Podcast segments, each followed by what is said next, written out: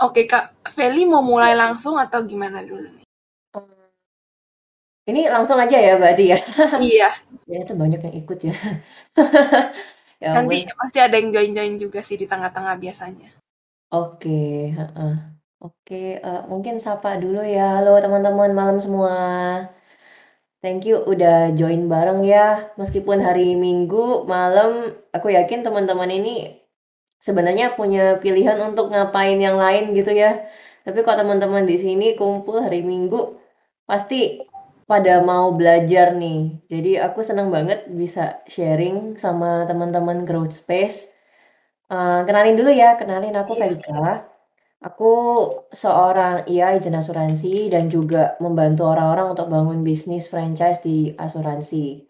Nah, selain itu, aku saat ini fokus di edukasi teman-teman juga soal asuransi karena aku merasa uh, orang itu meskipun dengan banyaknya pengetahuan di luaran tuh kayaknya sering masih sering bingung gitu loh. Atau yang aku sering dapatkan adalah 90% orang yang aku ceritain itu ternyata ti apa ya, punya pemahaman soal asuransi yang tidak tepat gitu.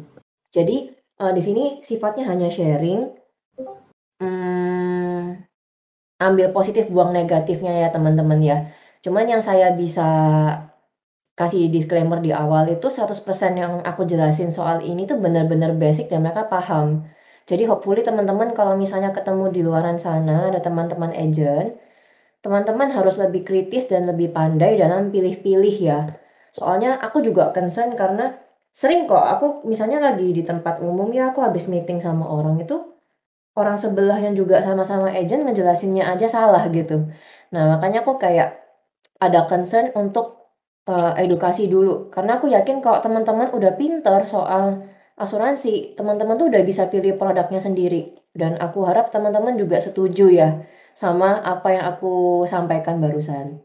Aku di sini tidak akan uh, menjelaskan soal produk, aku nggak akan disclose soal perusahaanku juga meskipun mungkin teman-teman nanti bisa lihat di sosmedku tapi di sini sifatnya strict hanya untuk edukasi ya gitu. Tapi kalau misalnya mau ada sesi yang kalian pernah sih aku sharing di umum tuh habis ada yang kayak nanya proposalnya dia. Nah, kalau ada yang mau nanya proposal, kita bahasnya di ruang tertutup aja ya. Karena aku nggak mau sampai ada kesalahpahaman dan tidak ada maksud sama sekali untuk memojokkan teman yang di industri yang sama, kayak gitu. Kalau boleh tahu di sini ada teman yang agent juga nggak ya? Apa ada teman-teman yang sama nih kayak Kak Feli? Heeh. Kak Ana suaranya nggak apa-apa kan Kak? Aku kok nggak apa-apa kan sehat-sehat aja kan Kak? batuk aku tadi, sorry. Emang. Oh iya ya, nggak aku takut kayak misalnya lagi nggak enak badan apa gimana gitu. Enggak, enggak, enggak. Aku sehat kok. Oke, okay, good lah. Oke, okay, uh, eh, ini kalau teman-teman mau ngechat, kayaknya nggak ada yang agent juga ya, oke, okay. nggak apa-apa. Iya. Kalau ada yang agent juga, kita sharing-sharing ya, karena aku punya visi misi bahwa kita tuh di sini kan bergerak di industri yang sama. Jadi ada baiknya kita tuh uh, saling sharing gitu ya, kayak kita saling mengisi lah sama memajukan industri kita. Karena, uh, kesalahan seseorang di industri yang sama tuh, apa ya, istilahnya, karena nilai setitik rusak susu sebelanga gitu kali ya, gitu. Oke, uh, aku langsung mulai aja kali ya. Ini bisa share screen nggak sih? Bisa. Aku izin share screen ya teman-teman. Iya. Semoga nggak terlalu berat, uh, aku coba share screen dulu. Ini gimana ya, kalau share what you're streaming? Uh, frame rate-nya yang oh mungkin Devon bisa bantu ya, aku nggak paham. Frame rate-nya tuh perlu milih nggak sih, Von? Screen yang biasa aja. Share yang window. biasa tuh berapa? Ini pakai HP atau pakai laptop? Pakai laptop. Di sebelah tombol video kan ada screen itu. Uh, uh, screen itu kan, uh, terus ada pilihannya resolution, frame rate nggak ada sih tapi yang 25 ada nggak 25 fps adanya 15 30 60 kalau smoother video tuh langsung 60 kan 30 aja 30 ya nah. oke aku go live ya udah kah nah oke okay. Ini udah gerak-gerak ya teman-teman? Iya, udah Sudah, kelihatan. Oke, thank you. Thank you feedbacknya. Oke, jadi teman-teman di sini aku ngebahas soal uh, insurance 101 ya. Jadi kalian tahu basicnya untuk temuin apa kebutuhan kalian gitu. Nah, yang akan kita bahas di sini itu pertama, aku akan bahas beberapa mitos ya, yang kayaknya sering banget dielu-elukan sama agent itu untuk apa ya? Kalau kita ngomong sih biasanya bahasa marketing sih. Nah, sorry bentar. Sorry ya. Nah, oke. Oke, akan ngebahas mitos-mitos itu, lalu uh, akan ngebahas soal tradisional sama unit link itu apa. Karena uh, orang-orang kayaknya sering memperdebatkan ini ya, sama produk itu kayak apa, terus gimana kalian bisa memulai punya asuransi pertama kalian. Oke? Nah, yang pertama, aku mau kasih basic dulu nih. Kenapa sih kok kayaknya banyak banget sekarang konten-konten keuangan ya?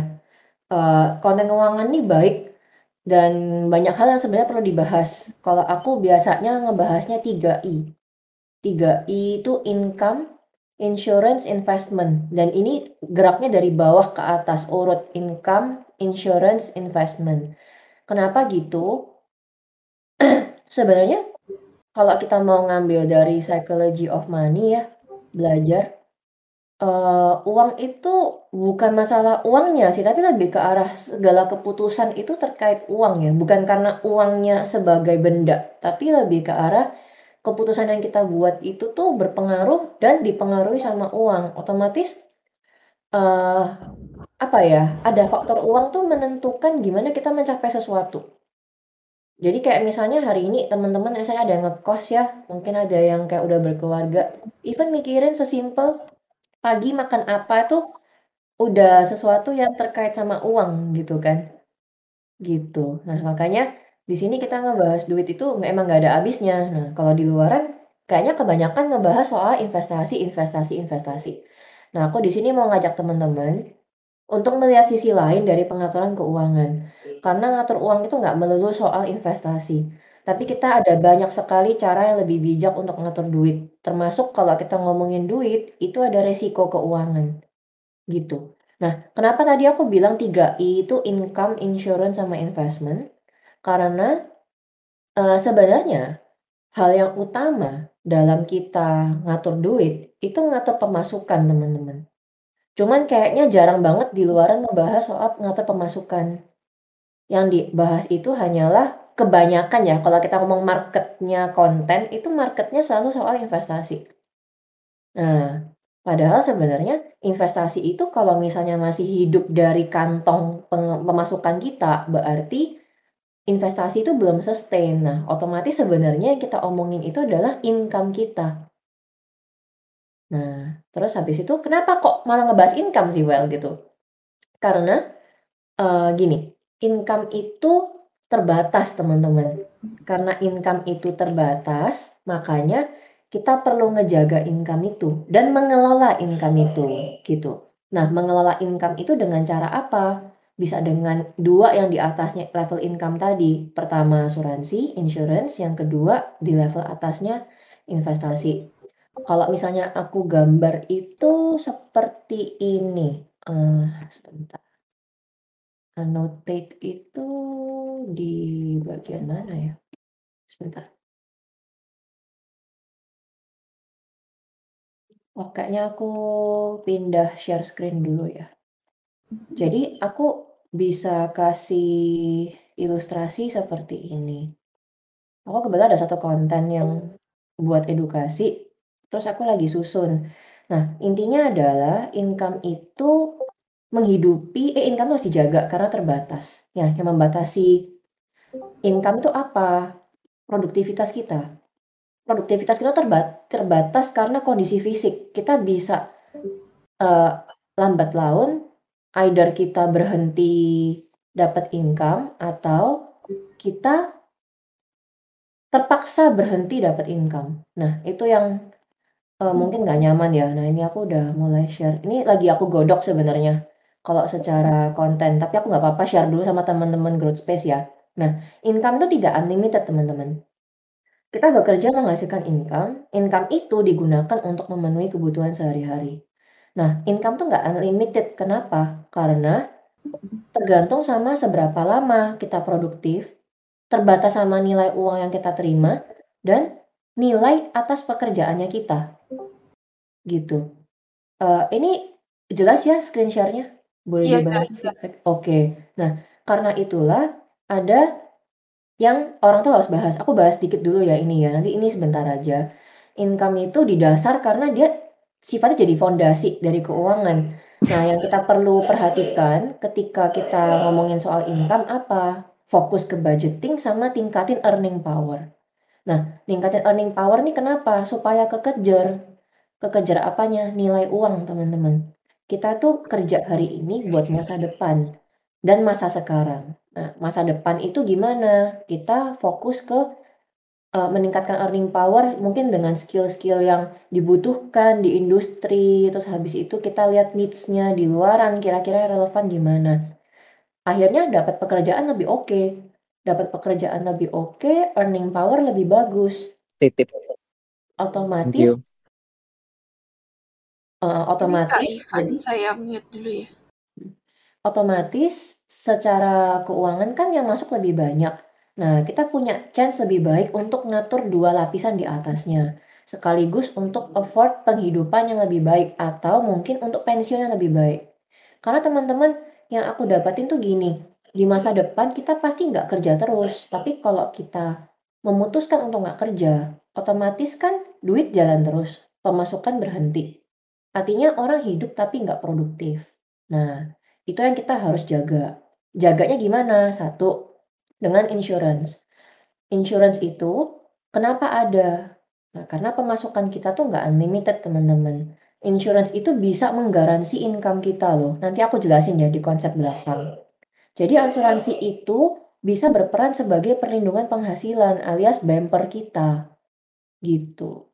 Nah, kalau misalnya asuransinya udah beres, baru kita melangkah ke investasi. Nah, ini tuh emang produk keuangan yang aku kalau tulis tuh produk keuangan paling seksi, yang paling disukain orang-orang gitu ya. Nah, orang tuh sering salah kaprah investasi tuh mungkin langsung melihat ke instrumennya dan lain-lain. Padahal kalau kita belajar di ilmu perencanaan keuangan, investasi itu adalah usaha penundaan penggunaan uang di masa sekarang yang dikelola untuk tujuan keuangan di masa yang akan datang kita tuh berinvestasi setidaknya teman-teman kalau nggak buat usia tua nanti, kita tuh mau jaga nilai uang dari inflasi. Karena kalau misalnya uang cuman kita simpen di bawah bantal, itu uang nggak akan berkembang dan adanya malah makin kecil.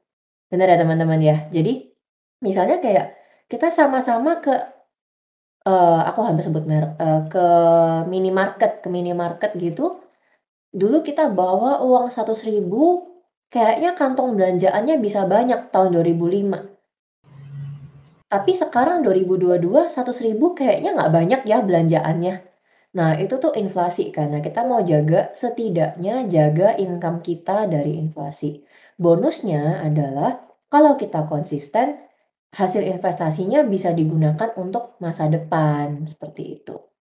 Nah Oke, aku udah selesai yang bahas soal sedikit ngatur duitnya. Sekarang aku mau gerak lagi ke soal asuransi. Karena asuransi ini kan layer kedua ya tadi. Jadi kita bisa pahami dulu bersama-sama teman-teman kalau uang itu memang bukan segalanya and yet almost all decisions are directly implicated by money. Jadi kayak banyak banget lah yang terkait sama uang gitu. Nah, aku ngebahas soal asuransi aja. Kenapa? Karena banyak orang lain yang lebih ahli ngebahas soal dua layer tadi. Tapi uh, kalau ngebahas asuransi, semoga lebih berimbang kalau yang ngebahas juga dari ahlinya di industrinya ya teman-teman. Jadi biarlah orang yang bahas investasi, dia ya yang lebih paham investasi membahas investasi, orang yang paham ngatur uh, income, meningkatkan income, biarlah dia fokus ke sana dan biarlah orang yang ahli di asuransi ngebahas soal asuransi. Nah, asuransi ini bukan investasi ya teman-teman. Ini banyak orang merasa dia sudah paham, cuman aku mau bahas lagi, ulang lagi, supaya kita punya pemahaman yang sama. Jadi sepulangnya teman-teman dari Discord ini, meja hijau tuh, teman-teman jadi paham, "Oh ternyata ini toh maksudnya asuransi bukan investasi," seperti itu. Gini, asuransi itu jaga kita dan orang yang kita sayangin dari potensi kehilangan aset atau uang karena resiko sakit dan meninggal di waktu yang nggak dipersiapkan, teman-teman. Jadi gini, kalau misalnya teman-teman ada yang sampai sekarang ada yang nggak pernah sakit? Mungkin ada yang tidak pernah sakit seumur hidupnya? Kebetulan saya sudah pernah masuk rumah sakit, jadi nggak bisa bilang kalau nggak pernah sakit. Nggak ada yang jawab berarti nggak ada, Kak. Iya. Bagus, berarti kan sehat-sehat ya? Hah? Ya. Aku Oke. terakhir kali masuk RS kapan ya? Mungkin lima tahun yang lalu. Oh, oke, lima tahun lalu. Kalau boleh tahu sakit apa, Ti? Hmm, apa namanya? Oh, ini sih kecelakaan. Oh, kecelakaan. Nah, ini sih salah satu hal yang aku juga concern. Jadi, uh, kita mungkin nggak sakit, tapi bisa kecelakaan. Jadi, uh, itu sebuah resiko juga. Nah, resiko kehidupan tuh ada hmm, empat. Sick, old, live too long, death. Jadi singkatnya SOLD. Sick, old, living too long, death. Sakit, menua, hidup terlalu lama, death, meninggal. Meninggalnya ini meninggal di waktu yang belum settle. Itu sebuah resiko. Nah, premi asuransi itu sejak dibayarkan tergantung produknya bisa melindungi kita dari resiko-resiko kehidupan tadi. Nah, asuransi karena bukan investasi, maka teman-teman catat ketika teman-teman memutuskan untuk punya premi asuransi, Premi asuran asuransi, asuransi itu preminya termasuk di pos pengeluaran ya, bukan pos investasi. Artinya tidak ada expected return. No expected return. Yang kedua, ketika premi asuransi termasuk pos pengeluaran, maka ketika teman-teman mendesain dana darurat, dana darurat itu harus sudah mencakup pengeluaran premi asuransi. Kenapa aku tegaskan seperti ini? Karena aku baru aja kepikir bahwa banyak sekali orang kalau mengaku keuangannya seret, yang ditutup duluan adalah asuransinya. Salah atau benar? Ya, kalau tanya saya, saya bakal bilang kurang tepat sih teman-teman. Jujur-jujuran aja ya, karena saya juga kan industri di asuransi. Cuman lebih ke arah gini teman-teman. Katakanlah kemarin sepanjang pandemi. Sepanjang pandemi itu banyak sekali usaha atau bisnis yang seret Bahkan ada teman-teman yang kena PHK. Amit-amit katakanlah terkena resiko sakit COVID pada waktu 2020 hingga 2021. Lah itu kan malah bukannya malah sudah jatuh dari tangga ya teman-teman ya. Jadi kalau misalnya jat apa sudah nggak ada pekerjaan preminya di stop, amit-amit malah nggak bisa asuransinya nggak ada cuti preminya, malah sakit tabungan kan makin minus teman-teman. Nah, ini tuh kita mau jagain dari resiko seperti itu. Jadi, seperti itu ya cara pengelolaan teman-teman. Ini aku tips lagi ulang kalau premi asuransi termasuk pengeluaran jadi disiapin di dana darurat juga ya. Kayak gitu. Jadi termasuk untuk bayarin premi asuransi jaga-jaga selama masa transisi dengan dana darurat. Oh ya ngomongin dana darurat ini, uh, aku selalu pakai gambar ini thanks to Big Alpha ya, kredit buat mereka kontennya luar biasa. Mereka ini ngajarin konten keuangan yang bagus banget dan mereka fokusnya di edukasi juga. Nah, jadi sebenarnya memang pakemnya seperti gambar yang di situ, meme yang itu. Jadi mana yang duluan sih asuransi sama dana darurat? Uh, ya seperti di gambar ini ya teman-teman. Saya mengambil, saya setuju dengan apa yang ditunjukkan sama Big Alpha ini. Nah, kenapa kok gitu? Ada sebabnya teman-teman. Karena premi itu seiring usia bertambah. Nah, kalau mau kejar premi murah teman-teman, sama kalau saya seringnya bercandanya supaya nggak diganggu-ganggu sama agen asuransi, bisa bilang saya udah punya yang cukup. Nah, itu beli aja teman-teman semudah mungkin mumpung masih muda dan sehat. Kenapa? Karena asuransi itu preminya ditentukan salah satunya oleh faktor usia. Nanti aku jelasin di belakang ya. Kayak gitu. Dan yang lebih penting lagi itu Asuransi itu dibeli dengan kesehatan, teman-teman. dibayar dengan uang, tapi dibeli dengan kesehatan. Itu hal yang beda. Seperti itu. Nah ngomong-ngomong teman-teman, ada satu konsep nanti yang kalau misalnya aku masuk ke produk nanti, asuransi itu bisa berperan sebagai dana darurat juga. Ada banyak pilihan dalam asuransi yang membuat dana darurat dan investasi itu jadi possible. Jadi gini, uh, asuransi itu untuk jaga dompet investasi dari bocor. Kalau investasinya kan tadi kita bilang penundaan penggunaan uang di waktu sekarang. Berarti kan ada tujuan keuangan tuh ke depannya. Nah, asuransi itu untuk ngejagain jangan sampai tujuan keuangan kita tuh tertunda karena ada risiko kehidupan yang tadi. Nah, asuransi sebagai dana darurat itu bisa mempersingkat waktu pengumpulan dana darurat. Contoh, misalnya ya, uh, katakanlah kita, hmm, aku nanya boleh tanya sama Kak Ana nggak Kak? Mungkin Iya boleh boleh. Kak, menurut Kak Anda sakit yang paling berat itu apa, Kak? Hmm, jantung. Sakit jantung ya? Nah, Kak Anda pernah tahu nggak pengobatan sakit jantung itu berapa, Kak? Hmm, mahal yang jelas. Oh ya. Kalau boleh kasih estimate kira-kira berapa, Kak, menurut Anda? Kalau operasi mungkin 100. Mm -hmm.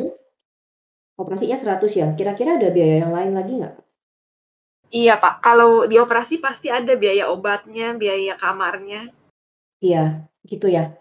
Hmm. Oke, jadi ini sifatnya edukasi.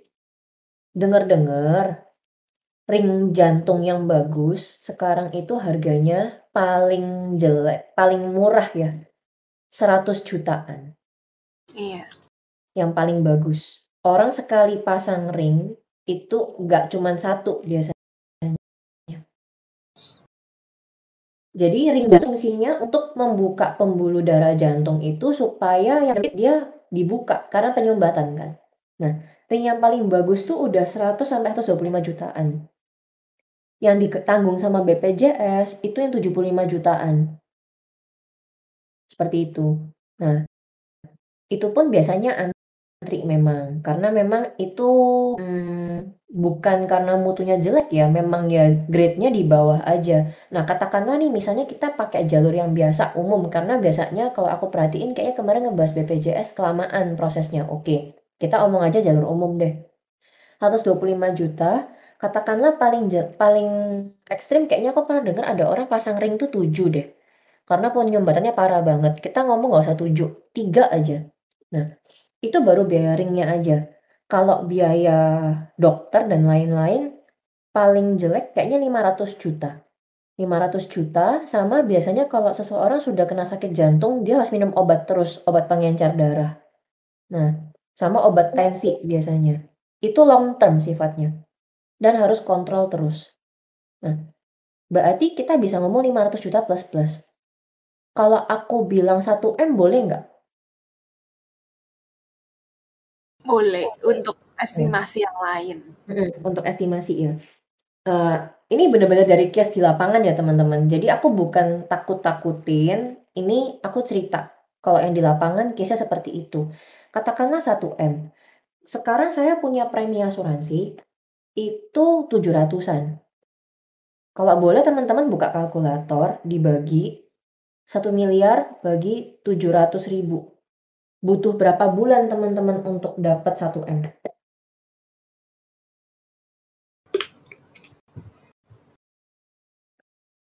Kalau aku hitung 1400 bulanan. Berarti bagi 12 bulan butuh 119 tahun untuk mengumpulkan dana 1 M dengan nabung doang 700 ribu per bulan. Nah, eh, kayaknya kok ekstrim betul.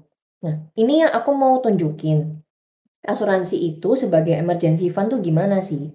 Karena kita tuh kayak sewa berangkas teman-teman. Aku bayar 700 ribu, perusahaan asuransi itu sewain aku berangkas 3M per tahun. 3M per tahun itu bisa dipakai untuk biaya berobat. Kayak gitu konsepnya. Nah, jadi kenapa? Kita itu mempersingkat waktu karena as soon as aku bayar 700 ribu per bulan di bulan pertama, itu langsung dapat 3M ini yang bisa dipakai kapan pun. Dan sekaligus aku mempersingkat waktu aku pakai dana daruratnya. Jadi aku nggak usah pakai kumpulin 119 tahun untuk menyelesaikan 1 M ini. Kayak gitu. Itulah fungsi dan indahnya asuransi sebagai dana darurat. Dana darurat ini untuk circumstances yang berat ya teman-teman, kayak sakit. Karena sakit itu pun kita nggak bisa ngomong sakitnya apa aja, gitu. Kalau dana darurat itu fungsinya adalah ngomongin kasih kita opsi, katakanlah terjadi pandemi kemarin dan ada layoff. Nah, kita tuh bisa nafas, "Oke, aku nggak ada income nih sekarang. Aku bisa bertahan hidup berapa lama?" Nah, salah satu panutan aku dalam mengumpulkan dana darurat adalah Kak Alphonse. Kak Alphonse itu keren banget, sering kita sharing soal duit dan asuransi dan investasi. Kak Alphonse itu teladan yang sangat bagus dalam punya dana darurat. Kalau boleh nanti kapan-kapan Kak Alphonse diundang atau bisa cek newsletternya yang Perlahan Sejahtera. Kayak gitu ya teman-teman ya. Wah, menarik nih infonya. Bisa jadi nanti kita bahas berikutnya. Mhm, bagus banget loh dia punya konten di ini Perlahan Sejahtera. Dia ada newsletternya kayak gitu. Oke, itu ya teman-teman. Jadi asuransi bisa untuk dana darurat, mempersingkat waktu pengumpulannya, dan memperkecil tanda kutip pengeluaran untuk menciptakan dana darurat itu. Semoga bisa dipahamin ya. Aku melangkah ke, nah ini part 2-nya. Yang ya ada kaitannya sama mitos juga sih. Jadi aku mau ngebahas soal tradisional sama unit link ya teman-teman. Jadi di tahun 90-an atau 80-an akhir di Indonesia tuh adanya jenis asuransi tradisional teman-teman. Aku ambil contohnya asuransi kesehatan dulu ya. Karena uh, sebenarnya semua asuransi itu sama.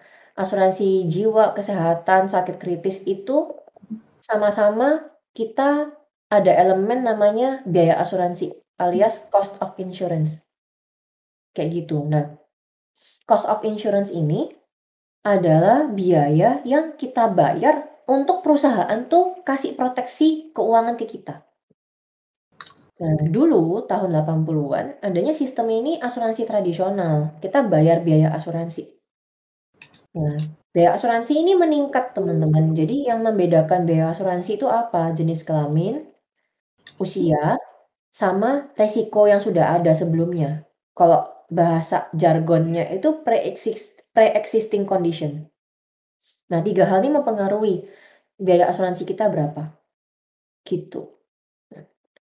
Uh, kalau aku kasih contoh di usia 20-an sampai 30-an, kadang-kadang premi asuransi perempuan itu lebih mahal daripada laki-laki. Tapi nanti waktu udah usia 30 sampai usia ke atas gitu 30-an, premi cowok biasanya udah ngebalap preminya cewek di usia yang sama. Kenapa? Karena biaya asuransi itu ditentukannya datanya dari mana sih datanya? Datanya tuh dari sensus teman-teman, ada tabel mortalita. Jadi ada tabel nunjukin oh range usia 30 31 sampai 35 cewek cowok yang meninggal berapa, sisa populasinya berapa. Itu datanya tuh menerus. Jadi kayak mereka ngikutin kelompok itu dari 0 sampai usia harapan hidup gitu. Sekarang Indonesia usia harapan hidup yang cowok 72, yang cewek 75 tahun. Dan terus meningkat gitu. Nah, teman-teman kalau boleh nih, mungkin diwakili Kak Ana ya, Kak. Kak, kalau menurut Kak Ana, orang tua dan orang yang usia muda yang lebih butuh pakai asuransi itu yang usia mana, Kak? Sama aku bilang, yang perlu banget orang tua sih. Orang tua ya. Nah, kenapa Kak menurut Kak Ana? Makin usia makin banyak, kemungkinan besar penyakit muncul lebih banyak daripada orang muda. Betul. Nah, biasanya orang-orang itu sering sekali concern asuransi itu mungkin produknya kesehatan ya, alias jadi concernnya kalau makin tua tuh sakitnya makin besar. Nah, teman-teman selain uh, faktor kesehatan, faktor terkena penyakit, sebenarnya yang paling perusahaan lihat itu adalah semakin tua. Kalau nasabahku bercandanya adalah, iya saya tante kan makin deket sama apa garis gamenya tante.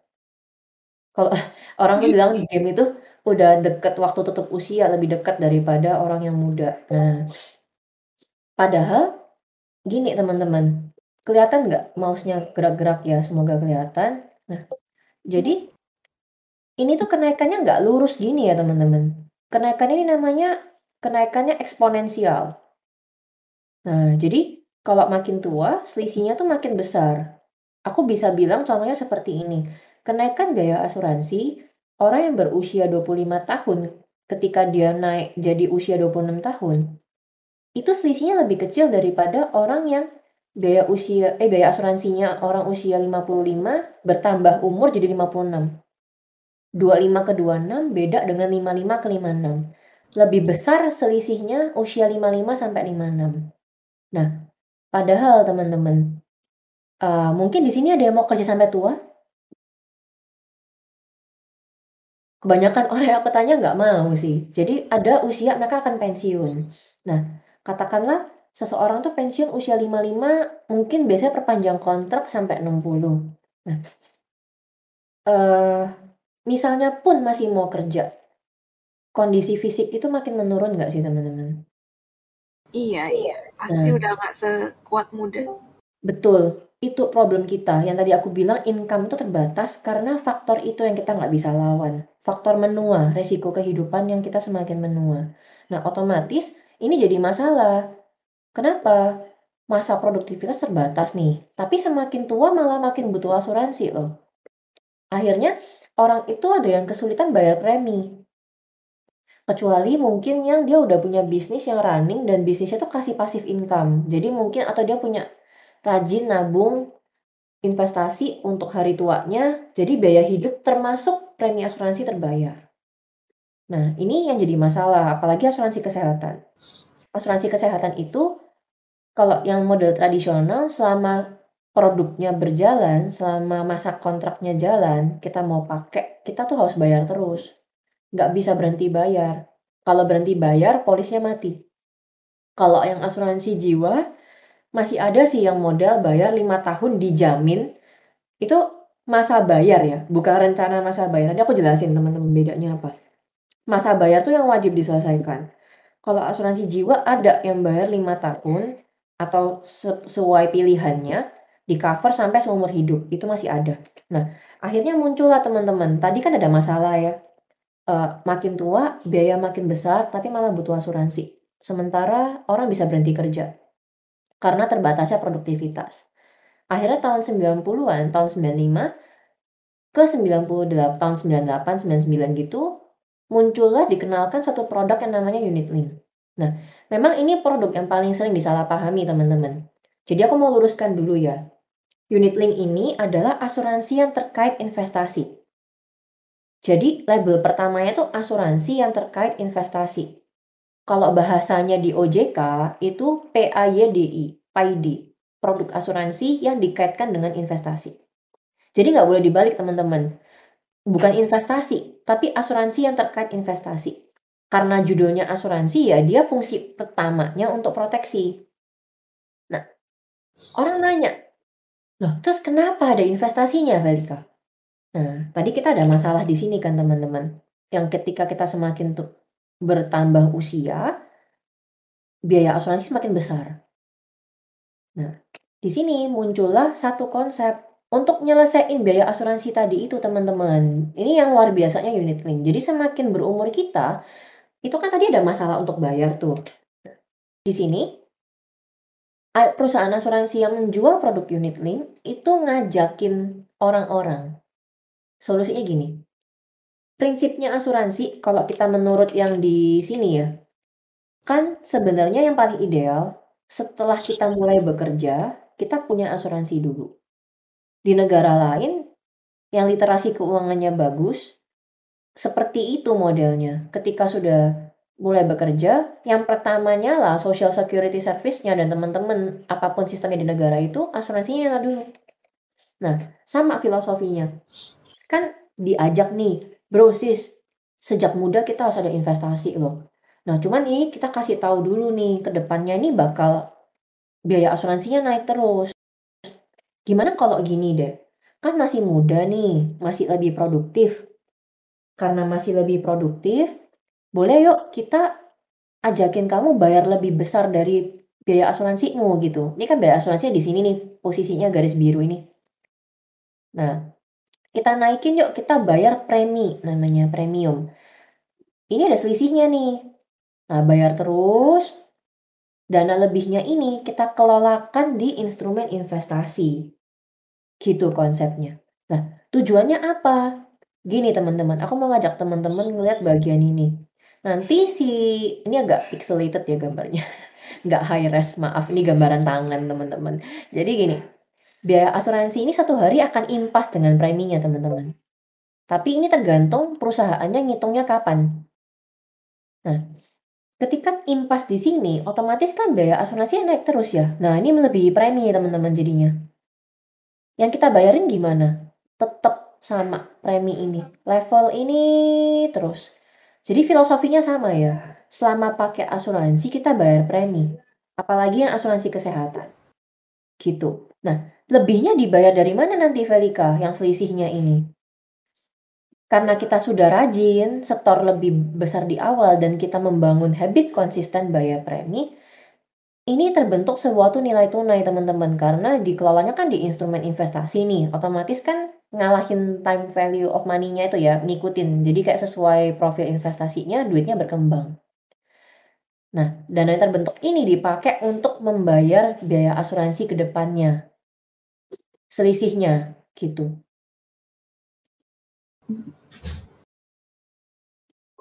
nah kayak gitu uh, Kira-kira sampai sini jelas ya? Atau ada yang mulai bingung?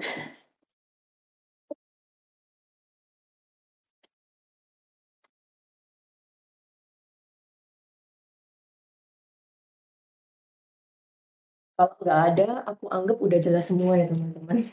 Nanti boleh tanyain di belakang deh, nggak apa-apa. Gitu.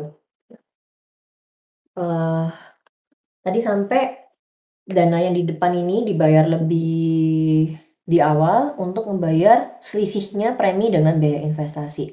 Anggapannya kita tuh pay in advance teman-teman gitu. Nah, uh, satu hari premi bisa tetap flat. Hmm, aku mau nanya sama teman-teman nih mungkin masih terkait ini. Pernah nggak ada yang dengar preminya bayar 10 tahun aja, ntar asuransinya bisa dipakai sampai seumur hidup. Pernah nggak ada yang dengar kayak gitu?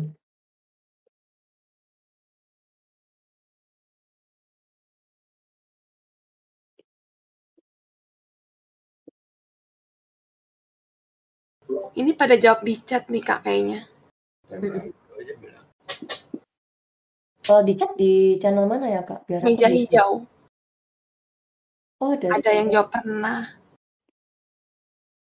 Bisa ketemu nggak Kak? Open chat ini ya? Iya. Hmm. Oke. Okay. Aku jelasin ya teman-teman. Jadi benar nggak sih anggapan seperti itu? Ini share screen-nya masih keluar ya? Tadi aku agak bingung soalnya. Oh ya masih ya? Oh ya masih, oke. Nah lanjut. Nah, salah nggak sih bayar 10 tahun bisa dipakai seumur hidup? Gini teman-teman, aku mau ngajak teman-teman sedikit lebih kritis. Masalah statement itu. Kalau teman-teman posisinya ditawarin asuransi kesehatan, aku mau ngajak teman-teman inget, inget, inget ya. Jadi mau ngajak teman-teman boleh tangan kanannya, jari telunjuknya menunjuk jidatnya dan bilang, inget, inget, inget, gitu. Sambil disentuh jidatnya, inget, inget, inget. Asuransi kesehatan itu teman-teman, sama pakai dibayar ya, kayak BPJS. Nggak ada shortcut, nggak ada instan, harus kayak gitu. Selama masa kontraknya. Oke? Okay? Nanti kalau uh, ada yang mau nanya lebih lanjut, boleh di Japri. Saya akan bantu jelasin kalau misalnya ada yang bingung. Nah, mungkin yang sudah punya asuransi, caranya tahu gimana? Reviewkan polis kalian. Oke, reviewkan polis kalian. Review manfaatnya, bener nggak yang diomongin sama agentnya. Kalau misalnya bingung mau second opinion, boleh tanya ke aku, boleh. Nah, aku bahas balik ke sini dulu ya.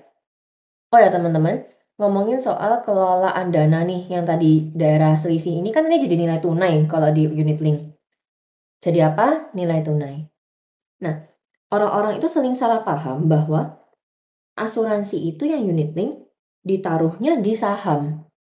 Enggak, teman-teman. Kalian bisa milih. Kalian mau pilih profil resikonya yang konservatif, moderat, atau agresif. Gitu. Jadi kalau misalnya emang kalian nggak mau di instrumen agresif, ya nggak apa-apa. Tolong sampaikan ke agentnya. Dan pastiin di polis kalian yang kalian terima dikelolanya di dana mana.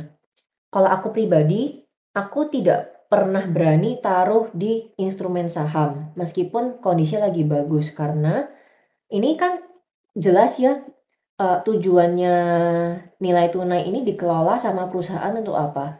Untuk menjaga kelangsungan polis itu sendiri. Jadi nanti biaya asuransinya bisa terbayar. Meskipun saya masih bayar premi 700 ribu terus, kalau biaya asuransi saya sudah lebih dari 800 misalnya, eh lebih dari 700 berarti 800 ribuan. Kan saya bayar 700 terus. Selisih 100 ribunya gimana? Dan terus meningkat dari nilai tunai seperti itu.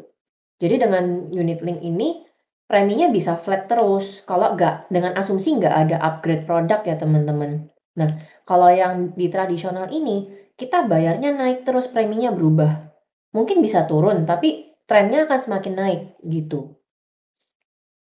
Ini ya Nah, yang soal tadi bayar 10 tahun doang, bisa nggak menghidupin?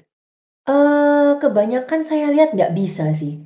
Kecuali kita buka polisnya itu sebelum kita tahu ada krisis. Misalnya kayak saya sudah bisa prediksi, tahun 2008 tuh bakal ada subprime mortgage. Nah, itu nanti saya bisa ini nih, bakal krisis, saya bakal taruh top up duit yang banyak. Nah, kalau bisa kayak gitu nggak apa-apa mungkin teman-teman. Cuman kebanyakan nggak bisa ya. Karena premi itu sudah didesain untuk bayar impasnya nanti selama kita bayar terus. Premi yang bisa kita bayar 10 tahun menghidupi sampai seumur hidup itu berarti alokasi investasinya ditambah alias di top up. Kayak gitu. Jadi harus diperhatiin ya teman-teman proposalnya itu seperti apa. Nah, paling gampang itu gimana? Semua unit link itu proposalnya ada tabel ilustrasi nilai tunai. Teman-teman perhatiin, kalau bayar terus, ilustrasi rendahnya itu ada tanda bintang-bintangnya apa tidak? Kalau bayar terus, ada tanda bintang-bintangnya, berarti bintang-bintang itu berarti nilai tunainya habis, alias polisnya lapse bisa mati. Polisnya bisa mati. Artinya apa yang harus dilakukan? Tambah premi top up-nya. Jadi jangan sampai terlena dengan premi yang terlihat murah teman-teman. Yang harus diperhatiin itu apakah selama aku bayar terus itu masa masa perlindunganku tuh terpenuhi nggak sih? Bisa berjalan terus nggak sih? Kayak gitu. Nah, cuma memang tidak memungkiri ya, ada beberapa polis itu didesain bisa bayar waktu tertentu aja, misalnya saya mau bayar selama saya kerja sampai saya usia 55 tahun misalnya, saya rencananya sampai usia 55 tahun kerjanya. Bayar sampai 55 tahun, masih ada 30 tahun lagi, saya bayar lebih besar lah, sama konsepnya pay in advance. Nanti saya mau asuransi saya bisa jalan sampai usia 75 tahun gitu misalnya. Kan ada waktu berarti 20 tahun saya nggak bayar tuh preminya. Nah, tapi biaya asuransi jalan terus ya.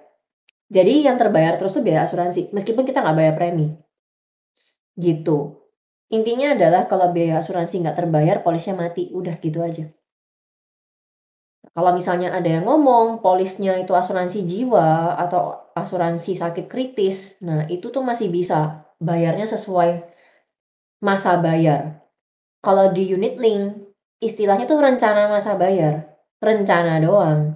Tapi kalau di asuransi tradisional, itu tuh yang asuransi jiwa ya, sama asuransi sakit kritis, itu tuh masa bayar yang harus diselesaikan. Kayak gitu, beda ya. Asuransi kesehatan tuh beda. Asuransi kesehatan pokoknya sama pakai bayar, udah beda sama asuransi yang lain. Gitu teman-teman. Uh, semoga jelas ya. Kalau misalnya ada yang mau ngeliat, tapi saya memang rencananya mau bayar asuransi sekian tahun doang, aktifnya sampai terus-terusan gitu ya udah bayar premi top up-nya lebih panjang. Kayak gitu. Nah, semoga paham ya teman-teman. Kalau ada pertanyaan boleh di-drop dulu nanti jawabnya di akhir ya. Atau nanti open mic mungkin di akhir. Tapi dicatat dulu pertanyaannya supaya nggak lupa. gitu, supaya inget pertanyaannya. Teman-teman saya punya kabar baik nih, saya mau ngebahas soal produk sekarang. Kayaknya banyak yang lebih excited bahas produk deh. Tapi penting ya, kalian harus tahu soal yang tadi cara bayarnya dulu, cara bayar preminya, supaya kalian bisa pilih produknya ini nanti gimana sih kayak cara maintainnya. Kabar baiknya teman-teman, kalian cuma butuh tiga asuransi. Saya ulangi, kalian hanya butuh tiga asuransi. Dikit kan? Nggak usah banyak-banyak, tiga aja. Tiga-tiga ini ada maksud dan tujuannya kenapa dibentuk segitiga. Mungkin teman-teman sudah ada yang pernah diprospek sama temennya, nggak apa-apa, saya ulang dulu ya. Silakan di cross check nih, kira-kira sama nggak ini ceritain. Kalau yang saya ceritain ini, saya pakai filosofi uh, seperti ini. Kita punya asuransi itu ibarat punya mau bangun rumah gitu teman-teman. Ada yang tahu Raditya Dika ya di sini? saya sering banget pakai contoh Raditya Dika gitu. Uh, Kak Ana ngikutin Raditya Dika nggak kak? Iya, dari dia penulis sampai sekarang banyak nah yang dia pilih. Heeh, asik berarti tahu nih. Raditya Dika itu kan dulu rumahnya kecil ya. Hah? Terus dia pindah rumah, dia bangun, tapi rumahnya yang sekarang tuh malah kayak dia bangun tambah-tambahin terus gitu. Pas punya anak kan kalau nggak salah dia tambah lagi tuh ruangannya. Terus waktu pandemi dia bangun tambah studio, dia bangun tambah kantor di rumahnya, ya nggak sih?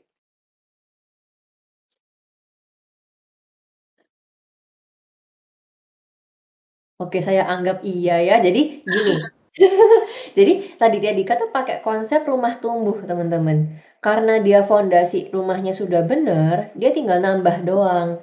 Aku ingat waktu dia cerita per dulu-dulu pertama tuh house tour, dia nunjuk di bagian rooftopnya. Jadi rumah gua ini udah ada kayak tiang pancangnya yang di sini, sini sama sini. Ntar kalau gua udah punya anak, gua tinggal tambah doang ruangannya ke atas. Jadi kayak nggak usah ngebongkar-bongkar yang di bawah lagi. Nah, dan bener tuh kemarin waktu pandemi dia kan ngerombak rumahnya ya. Tapi yang bagian ruang tamu dapur tuh tetap dia paling cuman ganti island meja island dapurnya doang. Tapi secara desain kamar posisi apa semua sama gitu. Nah, sama nih. Punya asuransi itu kayak bangun rumah. Fondasinya itu asuransi kesehatan, tiangnya itu asuransi sakit kritis, dan yang atapnya itu asuransi jiwa. Penting banget kalau punya asuransi itu fondasinya yang benar dulu. Ibaratnya gini, teman-teman tuh yang mau bangun rumah, agen asuransi seperti saya inilah arsiteknya. Gitu. Teman-teman bisa cerita rencana keuangan kalian gimana sih? Asuransinya mau jangka panjang atau jangka pendek gitu. Nah, kalau mau jangka panjang otomatis fondasinya harus benar kan? Gitu. Kalau misalnya bangun rumah, Susun fondasinya dulu atau atapnya dulu? Oh saya mau punya atap yang kayak gini modelnya. Ntar fondasinya nyesuaiin gitu. Kayaknya enggak ya. Iya. Biasanya fondasinya dulu ya. Nah, fondasinya ini dulu. Nah, kenapa saya kok pakai analogi seperti ini? Kayak bangun rumah tumbuh. Teman-teman banyak polis tuh acak kadut gara-gara polis asuransi kesehatannya yang nggak bener. Padahal asuransi kesehatan tuh yang kayaknya orang Indo paling seneng ya. Gitu. Nah, padahal ada tiga produk yang lain loh, gitu. Asuransi kesehatan ini yang paling ribet, kenapa? Karena biaya asuransinya paling mahal, teman-teman. Saya akan jelaskan sebentar lagi. Nah, tapi penting sekali asuransi ini tuh masing-masing itu rencananya jelas. Nah, kalau aku punya style arsitek tanda kutip asuransi atau keuangan, asuransi kesehatan tuh polisnya akan aku pisahkan dari produk yang lain. Supaya kalau upgrade nggak ribet. Aku udah handle beberapa polis itu yang apa namanya? Pindahan ya, agennya pindahan. Mau upgrade tuh sulit karena polisnya gado-gado. Memang sih satu polis kelihatan produknya banyak. Nah, tapi kita kan ngomong asuransi jangka panjang ya, kayak rumah. Kalau ke depannya malah ngerepotin kayaknya jadi nggak berkat deh. Jadi kalau saya prinsipnya sekarang belajar dari pengalaman itu, oke, okay, polis asuransi kesehatan saya pisah dari produk yang lain. Jadi teman-teman itu karena teman-teman yang punya rumah, tanda kutip, alias yang punya asuransi, boleh sampaikan ke konsultannya, ke arsiteknya, tanda kutip. Kalian butuhnya seperti apa? Nanti agennya yang susunkan. Itu pun boleh kritis lagi. Kan teman-teman ngeliat denahnya nih. Ini gimana? Boleh dijelasin nggak? Gitu. Seperti itu ya. Nah, aku jelasin dulu soal produk tiga ini. Teman-teman boleh nggak? Boleh dong kasih input ya, uh, biar kita interaksi dikit. Dari tiga ini, asuransi kesehatan, asuransi sakit kritis, sama asuransi jiwa, ada yang belum pernah denger nggak? Ada yang baru denger mungkin? dari tiga ini? Sambil saya minum dulu.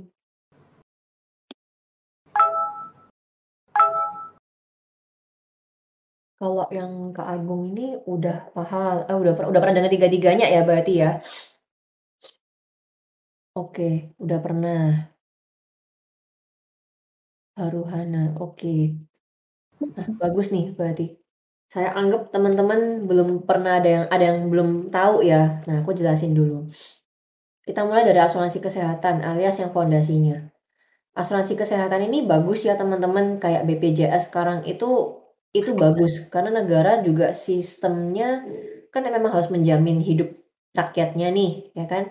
Nah, uh, aku mau kasih klarifikasi banyak soal asuransi kesehatan karena kayaknya orang paling mikir asuransi itu langsung ke kesehatan. Gini, asuransi kesehatan tuh cara kerjanya adalah ketika seorang nasabah membayar premi, selama preminya terbayarkan ke perusahaan, manakala terjadi resiko yang dia harus rawat inap di rumah sakit, maka perusahaan asuransi bayarin klaim sesuai tagihan rumah sakitnya ke rumah sakit. Nah, aku mau ngajak teman-teman lihat secara lebih kritis. Kita bayar premi ke perusahaan. Selama premi terbayar, biaya asuransi terbayar, ketika ada klaim yang karena kita sakit di rumah sakit, maka perusahaan bayarin tagihan rumah sakitnya ke rumah sakit itu. Jadi kita bukan terima duit, kecuali sistemnya reimbursement. Itu pun sekarang udah banyak banget uh, asuransi kesehatan yang sifatnya cashless. Kalau ada asuransi yang murah dan santunan sifatnya, kita dapat duit, berarti itu asuransi santunan kesehatan. Cash hospital, bukan hospital product masih dalam asuransi kesehatan tapi nature-nya beda. Itu santunan. Santunan itu untuk mengkompensasi andai kata seseorang itu ketika sakit dia nggak bisa kerja terus income-nya dia harian. Anggapannya income kita diganti. Tapi itu udah jarang banget juga sih saya dengar. Kalaupun ada, biasanya tuh telemarketing yang jual asuransi yang murah-murah. Tapi dibungkusnya asuransi kesehatan. Cuman fungsinya bukan bayar tagihan rumah sakit, Kalaupun bayar biasanya bayar kamar doang sama ICU. Itu kemarin saya sempat ada di telepon juga sama telemarketing yang kayak gitu. Gitu. Nah, jadi asuransi kesehatan ini bertujuan untuk bayar tagihan rumah sakit kalau nasabah itu rawat inap. Nominalnya ada yang sesuai tagihan rumah sakit. Ini aku tulis yang kayak gini karena sekarang trennya itu asuransi on bill, teman-teman. Sesuai tagihan. Karena memang tagihan rumah sakit itu biaya rumah sakit pengobatan itu udah balapan ya. Besar banget. Gitu. Nah artinya nasabah ini berhak atas klaim tapi yang terima duit pihak rumah sakitnya. Gitu. Tadi ada yang mau nanya ya kayaknya. Maaf kayaknya keinterupsi atau putus-putus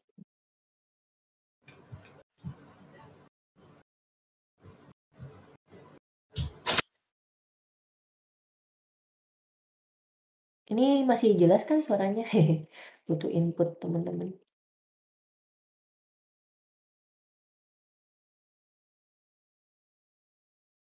Hmm. Masih, masih. Lanjut, Fer. Oh, masih ya? Oke, thank you, Fon. Nah, aku lanjutin ya. Nah, ini tadi balik lagi tagihan yang timbul di rumah sakit. Nah, biasanya orang tanya kayak gini, sakit apa aja file yang di cover? Asuransi kesehatan tuh simple, mudah dan menyenangkan teman-teman ya. Jadi kalau asuransi kesehatan itu sifatnya semua tagihan rumah sakit. Kalau rawat inap, artinya sakit apa pun selama sebelum buka polis itu belum ada riwayat apa-apa. Nah, kalau misalnya kondisinya seseorang sebelum buka polis, sebelum buka asuransi, itu sudah ada penyakit riwayat, perlu lihat-lihat dulu penyakitnya apa. Kalau penyakitnya musiman kayak tifus, DB, muntaber, itu masih nggak apa-apa. Tapi kalau sakitnya udah kayak ada benjolan atau sakit darah tinggi, terus ada kiste atau ada hal-hal yang lain yang mungkin sifatnya berat ya, yang nggak berat pun bisa sih, operasi batu empedu atau apa yang parah itu udah termasuk riwayat. Dan perusahaan asuransi itu punya data ke semua rumah sakit yang dia bisa trace. Kalau orang tuh udah udah ada riwayat. Nah, efeknya apa? Kalau seseorang buka polis asuransi kesehatan, tidak mengakui riwayat kesehatannya, manakala satu hari yang bersangkutan itu klaim untuk penyakit yang sama, perusahaan asuransi berhak tidak membayar atau dibayar tapi habis itu kontraknya diputus. Seperti itu. Jadi aku encourage teman-teman kalau udah ada riwayat boleh diakui ya teman-teman ya.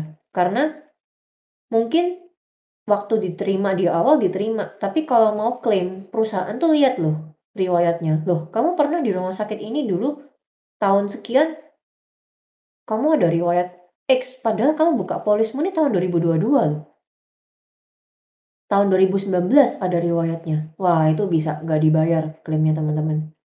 Jadi di asuransi itu ada prinsip utmost good faith sama customer due diligence. Jadi kayak kita harus jaga ya. Kita tuh kayak jaga itikat baik ke perusahaan karena perusahaan tuh nanggung resiko kita loh. Kayak nikah gitu teman-teman. Sudah sepenanggungan sejak awal memulai kontraknya seperti itu ya. Gitu. Jadi sakit apa pun bisa dibayar ya klaimnya. Nah, termasuk orang itu kirain kalau kecelakaan mau dibayar rawat kecelakaannya itu harus pakai asuransi kecelakaan. Betul apa betul?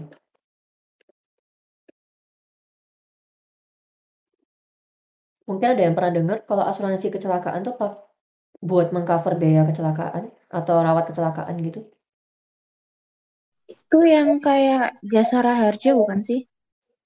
Uh, nah, konsepnya agak 11-12 sih.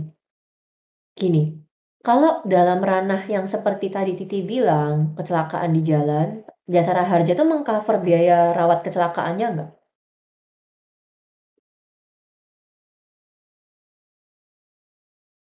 Hmm, kurang tahu ya. Mungkin ada yang paham, teman-teman?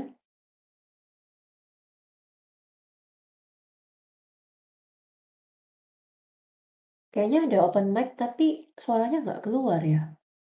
Lutfita Siwi. Oh, dia di-mute lagi. Oke.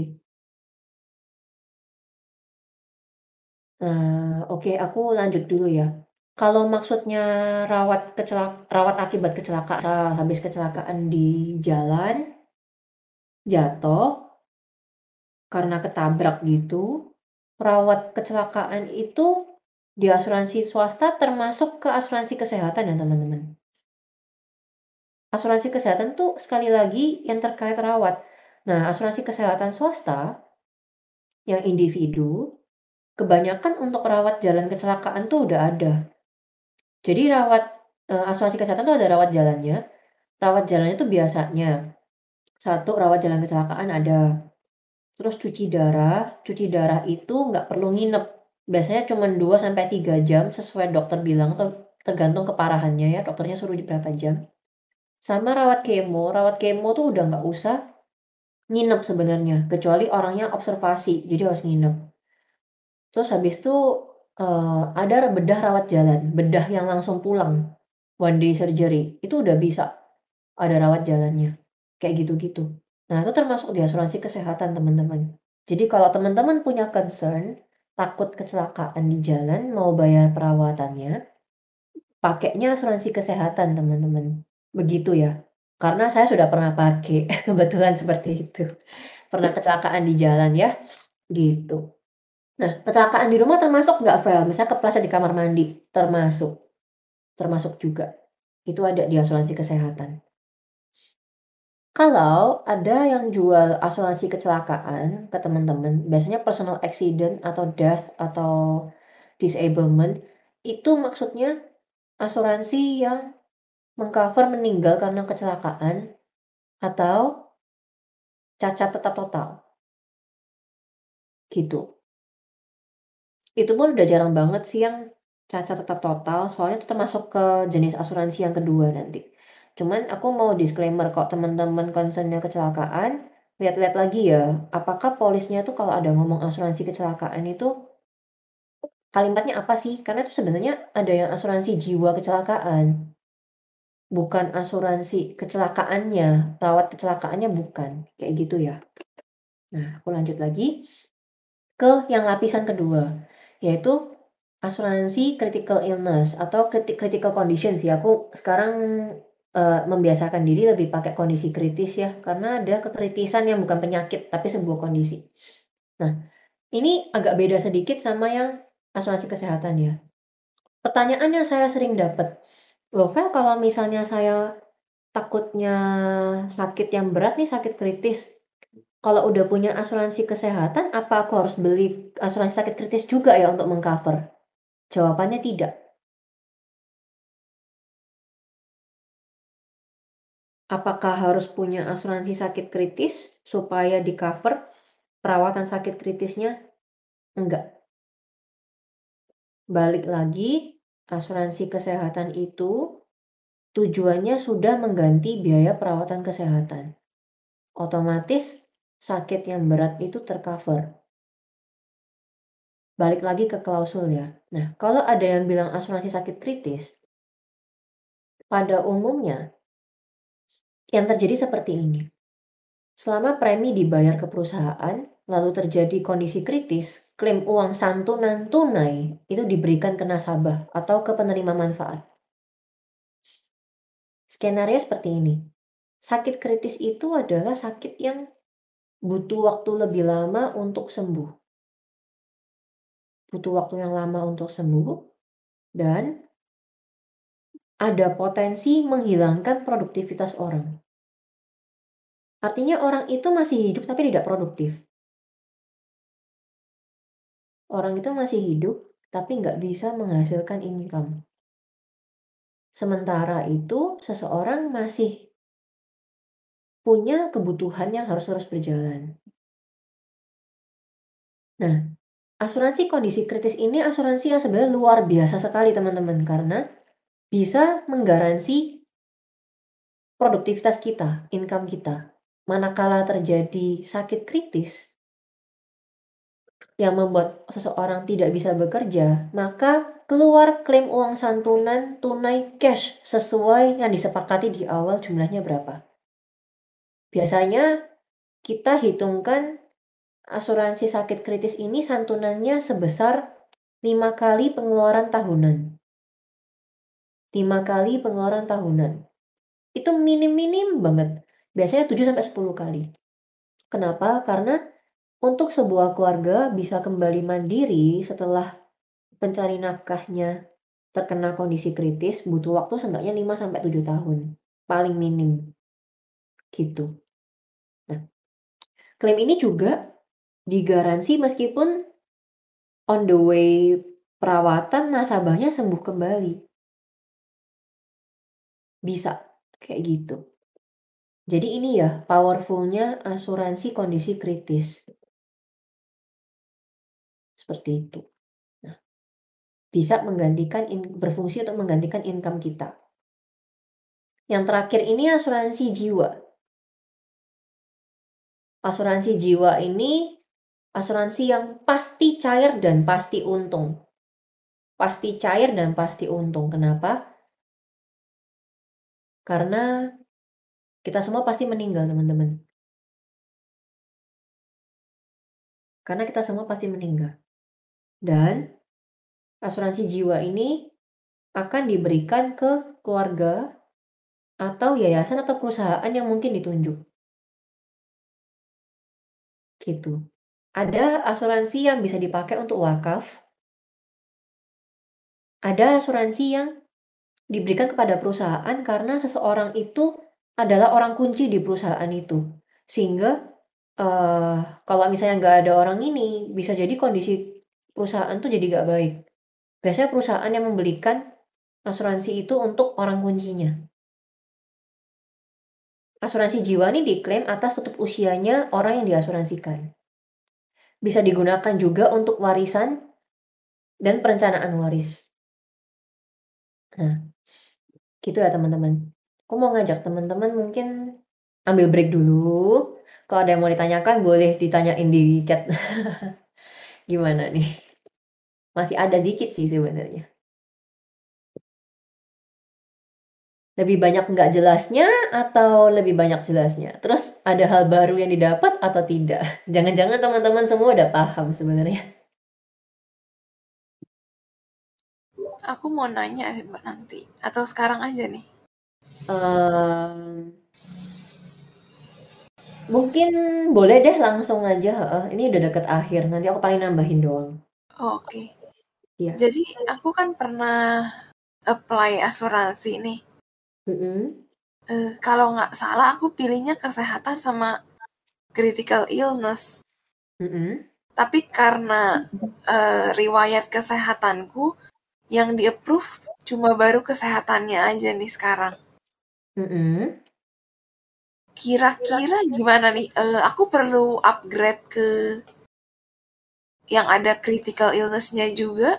Tadi Kak Feli mention kalau ada asuransi kesehatan belum tentu harus upgrade ke critical illness kan ya? Hmm, oke. Hmm, aku coba tanya lebih lanjut boleh nggak? Boleh, boleh. Eh, boleh dikasih inisial nama perusahaannya? Eh, P, P ya, tempat Iya. kerjanya Kak Ana bukan? bukan P. Aku P. kan A. Oh, oke. Warnanya merah. Iya. Oke. Nah, Kak Ana untuk perusahaan yang itu, perusahaan itu asuransi kesehatannya ada kata hospitalnya nggak? Wah, aku lupa. Bentar. Nama produknya, kartunya warna apa? Item. Udah nggak usah upgrade critical illness nggak apa-apa Kak. Oh gitu. Concernnya Kak Ana kalau boleh tahu untuk rawat sakit kritis atau untuk ganti income? Eh, ganti kayak soalnya premi aku yang sekarang masih rendah sih aku setahu aku untuk batasnya. Hmm, maksudnya gimana Kak? Boleh dielaborate nggak? Eh, kayaknya limit hariannya kalau misalnya sakit kritis beneran nggak ke cover. Tapi kartunya hitam ya? Iya. Hafal nggak bednya yang berapa sama wilayahnya di mana? Bednya yang 500 ribu. Oh, tapi limitnya 2M kan setahun? Oh iya, limitnya kayaknya segitu deh. Heeh, 2M cukup Kak? Oh gitu ya. Heeh. Cukup atau enggak buat Kak Ana 2M? Angkanya memuaskan apa tidak? Hmm. Harusnya sih iya ya, tapi aku kok ingetnya di bawah 2M ya salah kali ya, salah ingat mungkin. Hmm, kalau yang itu saya yakin pasti 2M dan kalau yang 200 500 ribu itu gini Kak, kalau Kak Ana upgrade pun bukan upgrade critical illness-nya Kak. Gini, kalau concern-nya Kak Ana adalah untuk perawat inap karena sakit kritis, biaya perawatan karena sakit kritis, Kak Ana itu fokus ke meningkatkan mungkin jenis kamarnya aja. Karena kalau dari yang aku dapat informasinya Kak Ana ini, itu yang kamarnya itu dua bed. Kalau kamarnya Iya. dua bed, dan Kak Ana itu mau meningkatkan manfaat, mending upgrade-nya tuh manfaatnya mungkin ke yang satu bed sendiri. Atau kalau misalnya mau nambah masa perlindungannya. Nambah masa perlindungan itu eh, sa- apakah sampai 55, sampai 65, 75, 85, atau 99. Kayak gitu. Oh, jadi sebenarnya emang nggak perlu-perlu banget yang eh, asuransi Kalau CI ini asuransi- asal udah cukup gitu. Tergantung concern Kak, makanya aku tanya Kak Ana lebih ke arah concernnya Kak Ana untuk apa? Kalau untuk perawatan sakit kritis, Heeh. perawatan di rumah sakit, hospital cukup Kak, sangat cukup. Asuransi sakit kritis itu berlaku untuk satu orang yang punya income, dua orang yang punya tanggungan hutang, tiga orang yang punya tanggungan keluarga. Itu perlu asuransi sakit kritis. Oke, oke. Seperti itu. Jadi asuransi sakit kritis itu tidak berguna langsung untuk biaya perawatan ya, teman-teman. Gitu. Jadi kalau misalnya ada yang bilang asuransi sakit kritis ini untuk melengkapi supaya biaya perawatannya tercover, enggak. Nah, aku akan kasih tahu kenapa. Seperti ini. Asuransi kesehatan itu limitnya setiap tahun. Aku pakai contohnya Kak Anu tadi boleh ya, yang 2M setahun. Boleh, boleh. Nah, 2M setahun ini katakanlah terpakai. Amit-amit seseorang punya produk yang sama, kecelakaan jatuh patah tulang misalnya. Patah tulang habis biaya 100 juta untuk operasi. Otomatis kan 2M kepake 100 juta. Tahun depannya dia refill 2M lagi. Kayak gitu. Nah, kalau kita pakai asuransi sakit kritis untuk bayar biaya perawatan, oke, kita ngomong sakit yang kritis ya, jadi bandingannya sama. Uh, informasi dari temanku, temanku ada yang kena kanker getah bening. Habis biayanya untuk kemo total 2M, kemo doang. Kemo doang 2M. Terus masih ada biaya yang lain, sempat dia biopsi, terus habis itu dia masih kontrol dan lain-lain. Nah, kalau katakanlah limitnya itu 2M, jadi kepake 2M ya. Nah, tahun depannya kan asuransi kesehatan review lagi nih 2M. Tapi kalau asuransi sakit kritis, sekali udah klaim selesai kontraknya. Katakanlah seseorang kontrak asuransi sakit kritisnya santunan sebesar 2M. 2M dipakai habis ya udah kelar.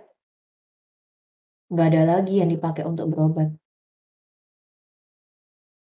Padahal kan sakit kritis kalau untuk perawatan itu concernnya yang berkelanjutan, yang berkepanjangan. Jadi nggak disarankan pakai yang sekali habis. Asuransi sakit kritis itu tujuannya tadi, ketika seseorang sakit berat dan kehilangan kemampuan bekerjanya. Sakit berat dan kehilangan kemampuan bekerjanya. Seketika ada kemungkinan income itu berhenti, maka asuransi sakit kritis yang menggantikan income-nya. Minim-minim sama lima tahun ke depan. Seperti itu konsepnya. Jadi tidak untuk rawat sakit kritis, soalnya bisa habis, sekali klaim udah selesai. Tapi kalau asuransi kesehatan, setelah dipakai, refill, tahun depannya balik lagi. Refill, tahun depannya balik lagi. Gitu.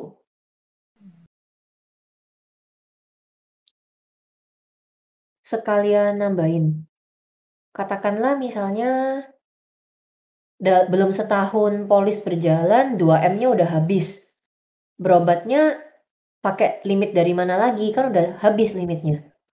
Beberapa perusahaan itu kasih opsi ada tambahan limit booster.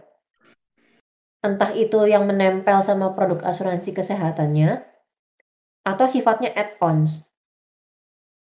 Entah itu melekat sama produknya, atau add-on. Nah, harus diperhatiin ya. Nah, kalau yang ada limit boosternya, katakanlah limit tahunannya habis, dia pakai limit boosternya.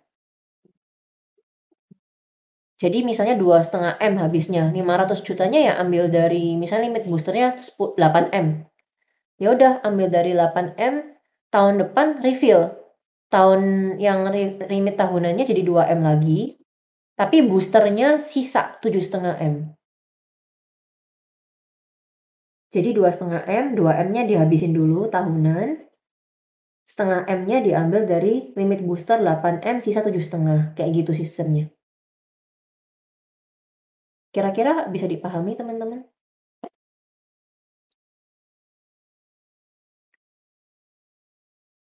Ini kalau ada yang nggak jelas bisa langsung nanya aja sih mumpung. Bisa Jadi? nanya. Oh, kayaknya mungkin ragu mau nanya atau gimana boleh nanya loh iya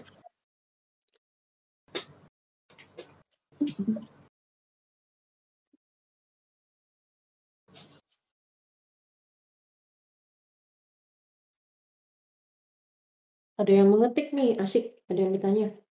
Aku suka kalau ada yang bertanya, karena berarti teman-teman pasti dapat manfaat lebih banyak kalau bertanya.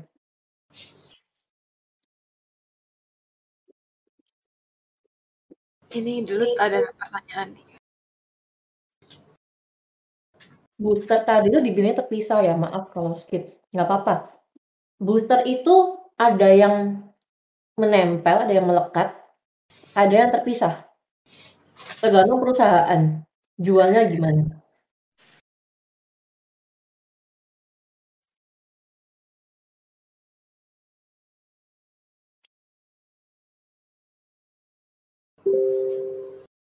Kira-kira kalau buat Lutfita Siwi, Lut udah jelas yang dijawab?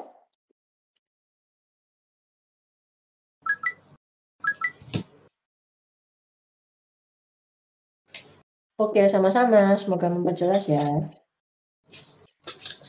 Yang Virya, Virya bertanya, hmm, asuransi kesehatan itu apa cuma untuk rawat inap aja? Kalau untuk rawat jalan gimana ya? Nah, rawat jalannya itu bisa dilihat di spesifikasi produknya.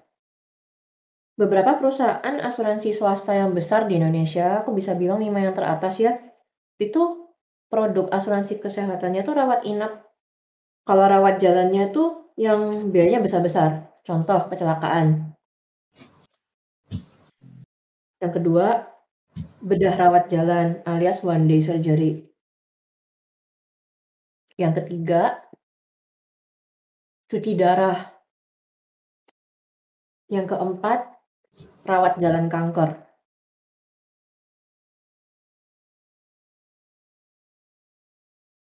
Yang ada rawat gigi, kehamilan, vaksin anak, rawat jalan ke klinik dokter, poli, itu jarang sekali. Kalau ada biaya asuransinya besar. Dan biasanya itu dimasukkan ke produk asuransi kumpulan alias asuransi kantor. Kenapa asuransi kantor tuh bisa ada rawat jalan kayak gitu? Karena risikonya dipukul rata dan orangnya banyak. Alias disubsidi silang. BPJS tuh bagus karena orang Indonesia rakyatnya banyak banget. Jadi bisa dibilang biaya perawatannya tuh kayak di subsidi silang sebenarnya. Orang yang sehat bayarin yang sakit dulu. Gitu. Makanya kalau ada asuransi yang ada rawat jalannya yang sampai gitu pasti mahal biayanya. Biaya asuransinya pasti mahal. Sama yang aku sering tanya, ditanyain tuh tentang kehamilan sih. Kehamilan itu sebenarnya nggak di nggak di nggak bisa diklaimkan di asuransi mana pun loh.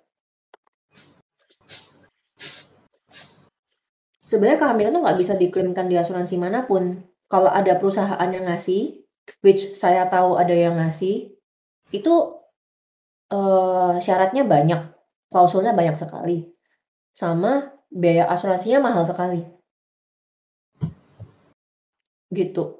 Kenapa asuransi keham kenapa kehamilan tuh nggak bisa di-cover asuransi?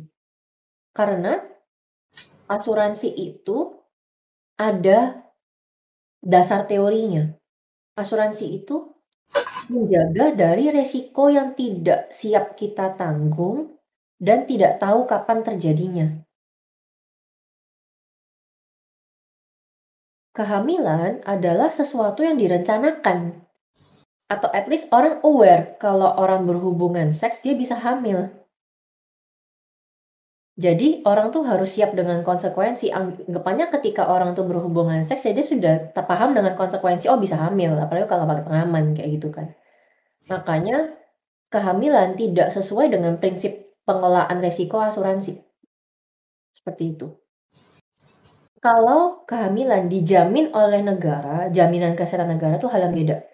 BPJS itu jaminan kesehatan negara. Nggak pure asuransi. Jaminan kesehatan negara karena negara wajib menanggung rakyatnya. Gitu. Itu fasilitas. Kayak gitu teman-teman. Oh pantas ya kalau saya ke RS disuruh rawat inap padahal gak butuh-butuh banget. Nah, itu dia. Balik lagi. Uh, keluhannya apa dulu? Tergantung agennya sih. Kalau sakit ringan-ringan saya nggak nggak suruh inap, karena itu bahaya di rekod rumah sakit. Nanti kelihatan orangnya dikit-dikit sakit dikit-dikit sakit, gitu.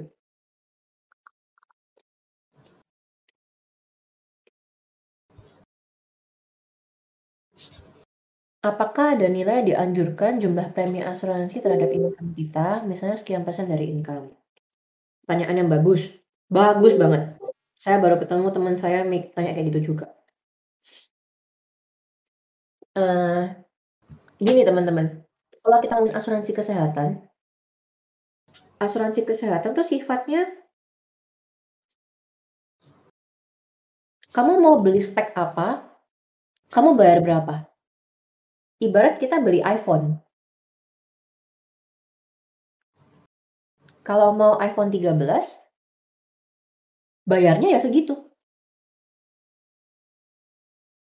Kalau nggak mau bayar yang harga iPhone 13 yang memorinya 256 GB, nggak sanggup, ya udah turunin. Tapi ya udah paketnya segitu, kita nggak bisa minta iPhone 13-nya di custom. Oh saya nggak mau lah, saya nggak pakai kameranya yang segitu tinggi megapikselnya, turunin aja. Nggak bisa. Jadi asuransi kesehatan itu customnya nggak custom manfaat dalamnya. Yang bisa di custom itu adalah wilayah pertanggungannya, kamarnya seperti apa. Udah itu doang yang bisa dipilih. Sama masa pertanggungannya sampai kapan kalau unit link.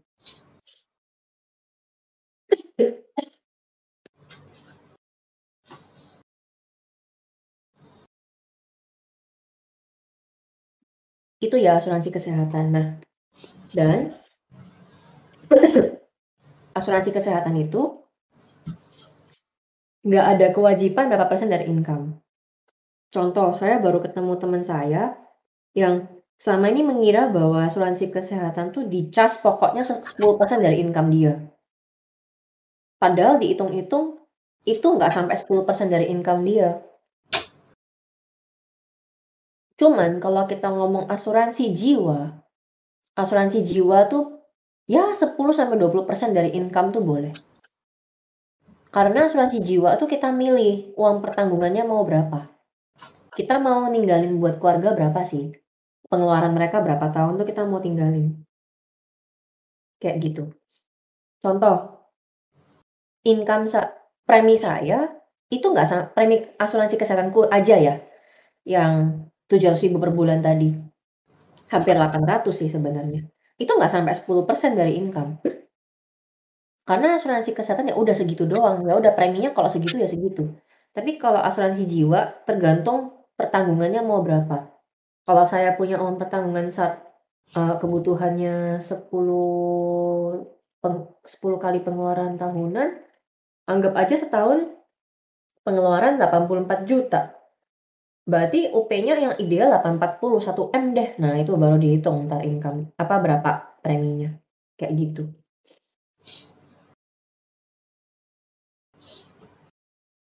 Tapi kalau belum bisa afford yang ideal banget, ya paling jelek 10% lah.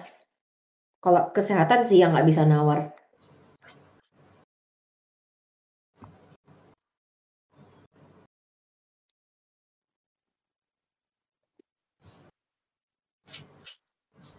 Kira-kira gitu ya. Ini Kak Johnson tadi open mic kepencet ya? Udah di close lagi soalnya sekarang. Hmm. Apa ada yang mau nanya lagi kak? Mungkin Ricky ada follow up, pertanyaan follow up? Uh, aku mau nanya dong, boleh? Boleh. Ini siapa ya? Aku sambil cari. Eh, boy ya? Boy. Oh iya. Um, kalau misalnya kasusnya adalah dia lajang, tidak ada tanggungan, dan mungkin gitu dia memang tidak berniat untuk menikah misalnya, jadi uh, basically nggak ada tanggungan yang harus dia biayain ya. Mm -hmm. uh, let's say misalnya saat ini cuma ada BPJS. Mm -hmm. Nah, Soalnya terjadi sakit yang berat pun, saya kan tahunya BPJS juga udah mulai cover kayak operasi jantung, kemo, dan sebagainya ya. Tapi setelah itu tetap aja ada misalnya harus ada kunjungan ke dokter, ya biaya transportasi, biaya sewa kosan, dan segalanya-segalanya. Itu apa lebih idealnya langsung ambil critical illness aja eh critical condition aja atau gimana ya? Jadi concernnya mungkin dia sebenarnya nggak ada tanggungan, tapi worst case kalau misalnya ada dia nggak bisa produktif untuk sementara waktu, ada uh, ada uang untuk hidup gitu. Nah itu apa mending ambil critical condition atau cukup siapin dana darurat aja? Hmm, good question. Kalau concernnya itu benar pakai asuransi critical illness aja. Kalau yang basic ya, kita ngomongnya basic, bukan berarti that's the whole truth, itu yang bisa disiapin. Kalau aku sih gitu. Mending critical illness-nya aja sih yang santunannya itu untuk jagain income-nya. Karena benar meskipun pakai BPJS, uh, ada biaya-biaya yang tidak bisa ditanggung sama BPJS. Sehingga BPJS sama asuransi swasta bisa saling melengkapi. Salah satu caranya dengan asuransi santunan critical illness itu tadi. Bagus pertanyaannya. Kayak gitu case-nya. Ah, oke. Uh, sama satu lagi mau nanya. Kalau misalnya kira-kira ya sebagai lajang dan tidak ada tanggungan, untuk asuransi jiwa masih belum perlu-perlu amat ya atau ada pandangan lain kah? Karena kan yang kasarnya gitu, itu uang asuransi nggak akan diwarisin ke siapa-siapa gitu. Kecuali kalau hmm. misalnya maksudnya wakaf gitu ya. Mm Hmm, sambil aku rumusin dulu ya jawabnya. Aku udah kebayang sih, cuma aku harus nyusun kata-katanya dulu, emang agak butuh waktu. Cuman, hmm, itu pertanyaan yang sering diomongin sama anak-anak muda memang. Hmm.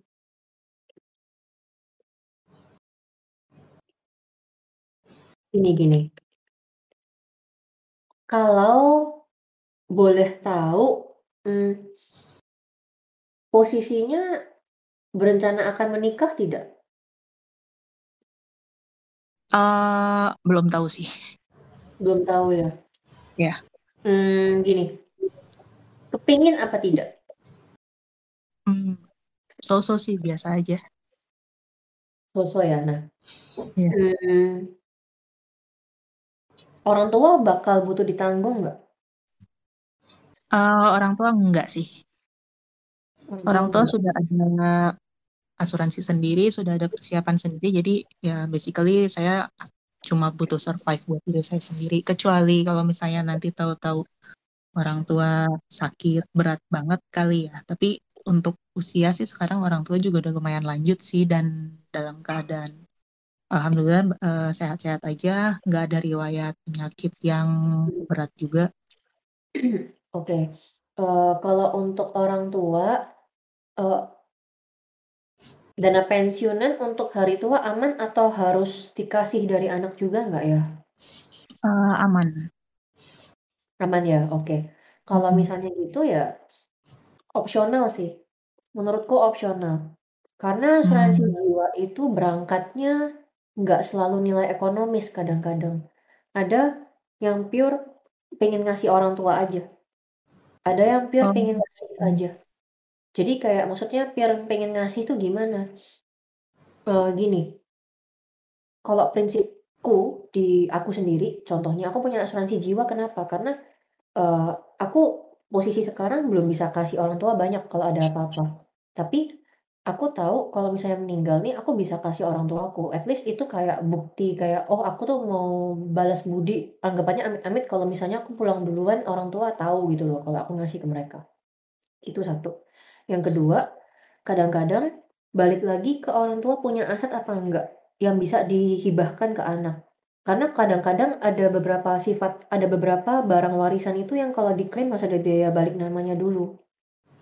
Kalau ada, siapin asuransi jiwanya buat orang tua ya, tapi ya bukan buat kita sendiri. Supaya kita bukan maksudnya ngarepin harta orang tua, enggak. Cuman kita lebih sifatnya diskusi sama orang tua. Kenyataannya untuk distribusi harta kekayaan itu prosesnya ribet dan biayanya besar. Jadi asuransi jiwa tuh bisa dimanfaatkan kalau aku bilang bukan beli asuransi jiwa, tapi manfaatin asuransi jiwa untuk ngakalin biaya-biaya yang timbul saat pemakaman, saat uh, biaya alih warisnya itu, seperti itu. Jadi bisa dilihat dari nilai ekonomisnya itu juga sih. Mungkin bisa di-consider kalau misalnya memang ada. Cuman memang butuh komunikasi yang baik ya, soalnya takutnya salah kaprahnya adalah dikira kita ngarepin dari orang tua kayak kalau meninggal ntar gini, enggak sih bukan gitu, maksudnya lebih ke arah kita mengelola dengan lebih bijak aja, kayak gitu. Oh, jatuhnya jadi kita bayarin asuransi jiwanya orang tua gitu? Hmm, ya, I see I see. Itu jaga-jaga kalau orang tua banyak aset properti atau amit-amit ada hutang sih. Hmm, ya ya. Gitu. Oke, cukup jelas. Makasih ya. Iya, sama-sama. Semoga jelas ya.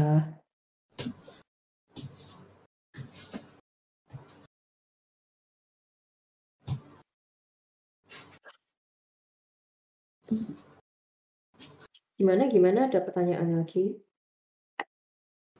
Ini yang dari Tika, ada nih yang dia nanya kritikal bukannya add-on ya? Jadi harus is- asuransi jiwa plus kesehatan baru bisa tambah kritikal.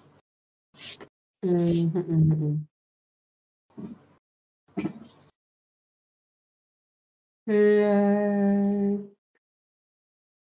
Kalau misalnya aku minta Tika japri ke aku perusahaannya boleh nggak sih? Tapi japri aja, kalau berkenan ya Tika ya, kalau nggak berkenan nggak apa-apa.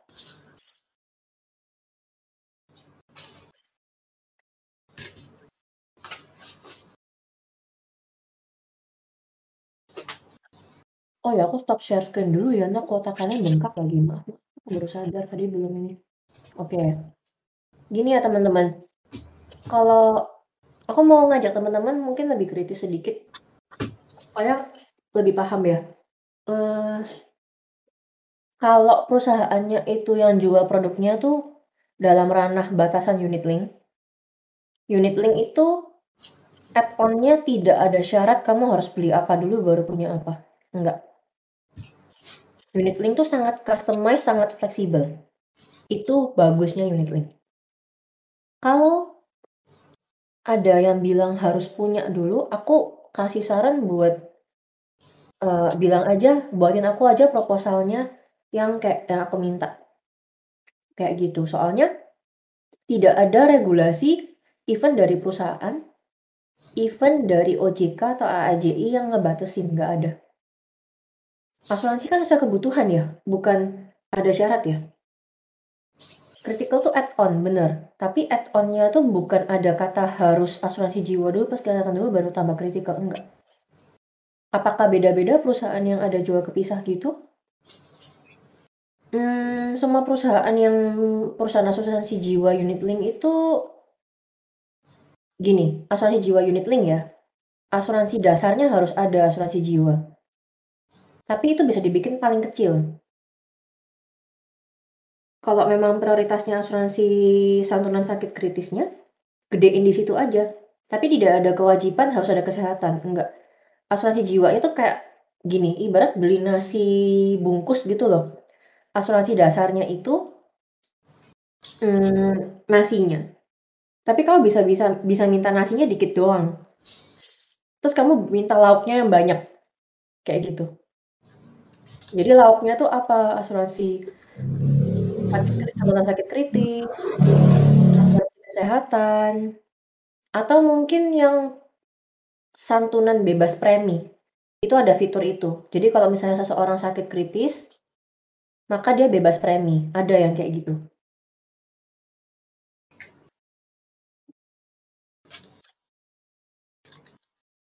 Jadi nggak harus ya, apalagi harus ada kesehatan, enggak enggak harus. Kalau aku sih, pengalaman ya asuransi kesehatannya aku pisah, aku nggak mau gabung sama polis yang lain, karena biaya asuransi kesehatan itu ya, biaya asuransinya bisa 2, 3, 4 kali lipat, 5 kali lipat dari asuransi jiwa, asuransi sakit kritis. Tergantung besar santunannya. Makanya aku pisah, karena kalau upgrade susahnya setengah mati, takutnya ganti-ganti yang lain gitu loh, sulit. Mending diubah, kalau misalnya emang udah nggak mau dipakai asuransi sakit kritisnya matiin aja, udah selesai. Kira-kira Tika cukup jelas nggak ya? Kalau ada yang polisnya masih campur-campur, saranku review polis ya, dirapiin polisnya, nanti waktu udah tua agak ribet, apalagi kalau masa perlindungannya tuh beda-beda semua, aduh itu nanti bisa bisa acak-adut sih, itu aku pengalaman upgrade-nya yang sulit. Bukan nggak bisa, agak sulit.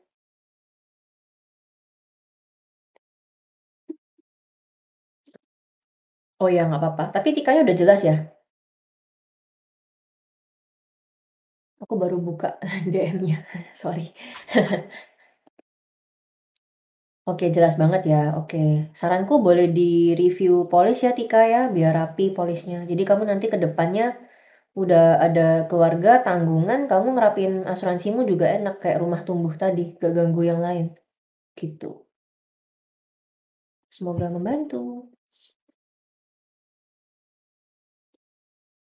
Ada pertanyaan lagi? Yang dari Virya ini belum dibahas juga ya, Oh iya. Kak? Yang Virya, mau tanya Iya. lagi, asuransi kesehatan dan critical illness ini apakah dibedakan dari jenis penyakitnya? Nah, ini tadi aku sudah sempat singgung ya. Asuransi kesehatan itu penyakit yang di-cover apa aja. Semua yang butuh rawat inap. Semua yang butuh rawat inap, sama yang termasuk rawat jalannya ya. Jadi tidak membatasi jenis-jenis penyakitnya. Karena asuransi kesehatan prinsipnya hanya meng-cover biaya rawat. Jadi mau kecelakaan, mau sakit, sakitnya DB, usus buntu, atau misalnya tukak, kalau nggak dalam masa tunggu ya itu di-cover. Asuransi sakit kritis itu memang ada jenis-jenis penyakitnya. Tapi tidak berarti asuransi sakit kritis itu tuh harus dipunyai supaya asuransi kesehatannya bisa bayar penyakit kritis, enggak.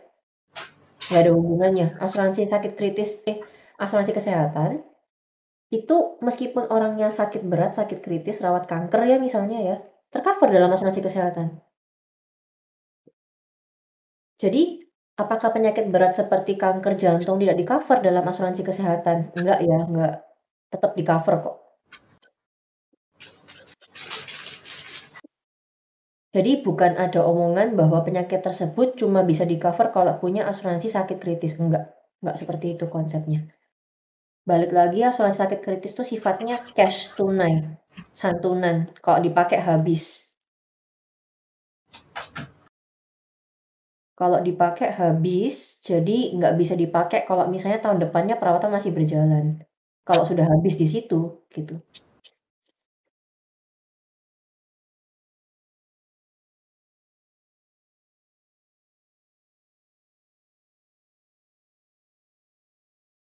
Ada di slide yang ini ya.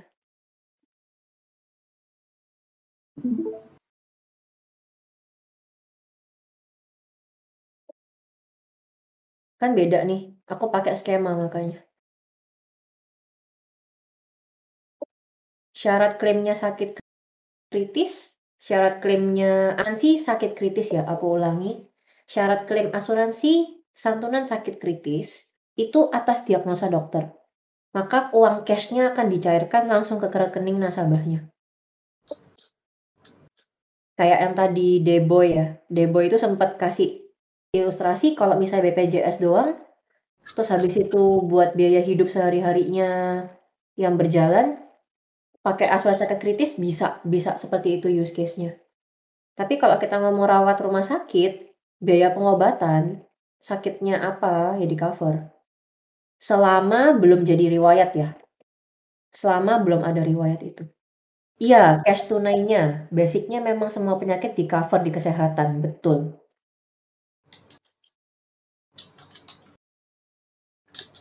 Kalau paling nggak usah mikir itu, kalau buka polis saat masih sehat. Wah itu asik, lu kok malah jadi lu, maaf ya kebawa dialek out of character. Jadi kalau misalnya, eee, kayak posisinya kayak saya, belum pernah ada sakit apa-apa buka asuransi, ya saya bisa bilang sakit apa pun saya ke depan saya di-cover, kayak gitu.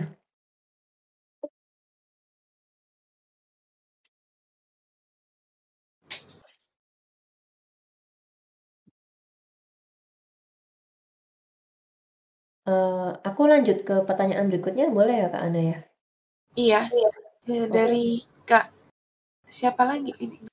Ini tadi Virya sudah, eee, Ricky, mungkin ada diskusi terpisah aja kalau ada follow up question. Boleh, nanti bisa dihubungin aja di Discord ya. Atau yang di apa namanya, di DM IG boleh, ada username-ku di atas, Feli Kalianto, boleh. Tika, sempat ada gini, uh, critical illness itu kan dana tunai cair tanpa ganggu biaya sakit yang memang sudah ditanggung asuransi. -uh. Kurang lebih seperti itu, benar. Jadi tahu-tahu kalau stroke biaya RS ditanggung, iya biaya RS ditanggung asuransi kesehatan ya. Terus dana CI-nya cair kalau beli, betul. Betul gitu Tika. Wah, terima kasih Kak, bye-bye. Saya tadi sudah sempat minum Kak, sambil diem-diem gitu saya minum dulu curi-curi. Makasih ya. Nah, kalau downgrade gak masalah, kalau upgrade ribet ya. Betul, karena downgrade kan berarti biayanya malah turun ya. Kalau upgrade biaya nambah. Nah, biasanya yang bikin ribet tuh karena orang agak sensitif kalau biaya nambah gitu. Terus terang aja nih, bener. Dan uh, kalau misalnya campur tuh pengalaman saya gini nih. Kalau saya lihat asuransi ya, asuransi yang dulu nasabah saya itu uh, asuransi jiwanya campur gado-gado nih ceritanya. Asuransi jiwa 100 juta. Asuransi sakit kritisnya 300 juta. Asuransi kesehatannya ada kamar 1,2 juta. Ini yang lama ya, bukan yang kayak sekarang. Jadi masih pakai limit limit dalam limit gitu ada inner limitnya. Nah itu um, apa namanya? Dia mau upgrade itu sulit banget karena satu asuransi jiwa itu berlaku satu tahun, sakit kritis sampai 5, 65 aja, terus asuransi kesehatan sampai 75. Terus habis itu kalau mau ditambah asuransi kesehatannya, preminya naiknya luar biasa dan harus mengganggu proporsi yang lain. Nah, kan otomatis kalau nasabah pasti ngomel dong, apalagi kan barangnya asuransi ya. Ini kok naiknya mahal banget. Gitu. Padahal yang paling sedihnya lagi adalah nasabah itu dulu mis-selling, korban mis-selling, korban salah jualan. Jadi itu dia pindah agen ke saya, terus dia merasanya tuh asuransi kesehatan doang. Gitu dijelasin kayak gini baru paham, oh jadi asuransiku campur-campur ya, padahal aku butuhnya kesehatan doang gitu. Karena memang orang pahamnya asuransi selalu kesehatan sih. Gitu. Padahal perusahaan asuransi di Indonesia tuh judulnya asuransi jiwa. gitu. Itu ya teman-teman. Jadi kenapa kok ribet? Karena harus ngubah proporsi yang lain itu loh, sama sensitif harga memang. Nah, kalau misalnya udah nggak kepake, misalnya nih asuransi sakit kritisnya sampai 65 doang, yang lain-lainnya masih lebih panjang. Dia bayar preminya tetap sama. Bukannya lebih baik kalau misalnya emang udah sampai segitu doang, udah nggak mau dipakai, ya polisnya ditutup, udah 65 ditutup, kan dia bayarnya malah berkurang. Kan lebih asik tuh. Gitu. Kira-kira jelas nggak ya? Semoga jelas ya. Tapi sebenarnya kalau yang ribet itu bukan ribet administratifnya ya teman-teman, ribet mendesainnya sih. Karena kita harus nego berkali-kali kan, ibaratnya kayak kita beli rumah, rumah itu interiornya desain denahnya udah nggak udah acak kadut gitu. Itu kan berarti yang dirombak bisa jadi tiangnya udah nggak bisa digeser, terus habis itu udah fix posisinya, itu kan ribet ya, kayak gitu. Sama kayak bangun rumah persis. Nggak apa-apa Tika, kalau mau ngerapiin polis butuh rekomendasi boleh ntar japri-japri aja. Uh, Mbak, maaf OOT, tapi tadi font yang dipakai buat slide-nya apa ya? Boleh saya kasih tahu. Jadi ini pakai DM Sans di Canva. Boleh japri saya, nanti saya kasih tahu tulisannya gimana. Ini di Canva semua kok. Bagus ya kayaknya. Saya juga suka lihatnya. Kalau udah terlanjur campur-campur, solusinya apa kak? Dirapiin aja polisnya, gampang. Kita anggapnya kayak renovasi rumah gitu. Bisa kok, dikonsultasiin dulu, di-review dulu polisnya. Kalau kurang paham penjelasannya ribet, ke agen yang bisa dipercaya aja ya.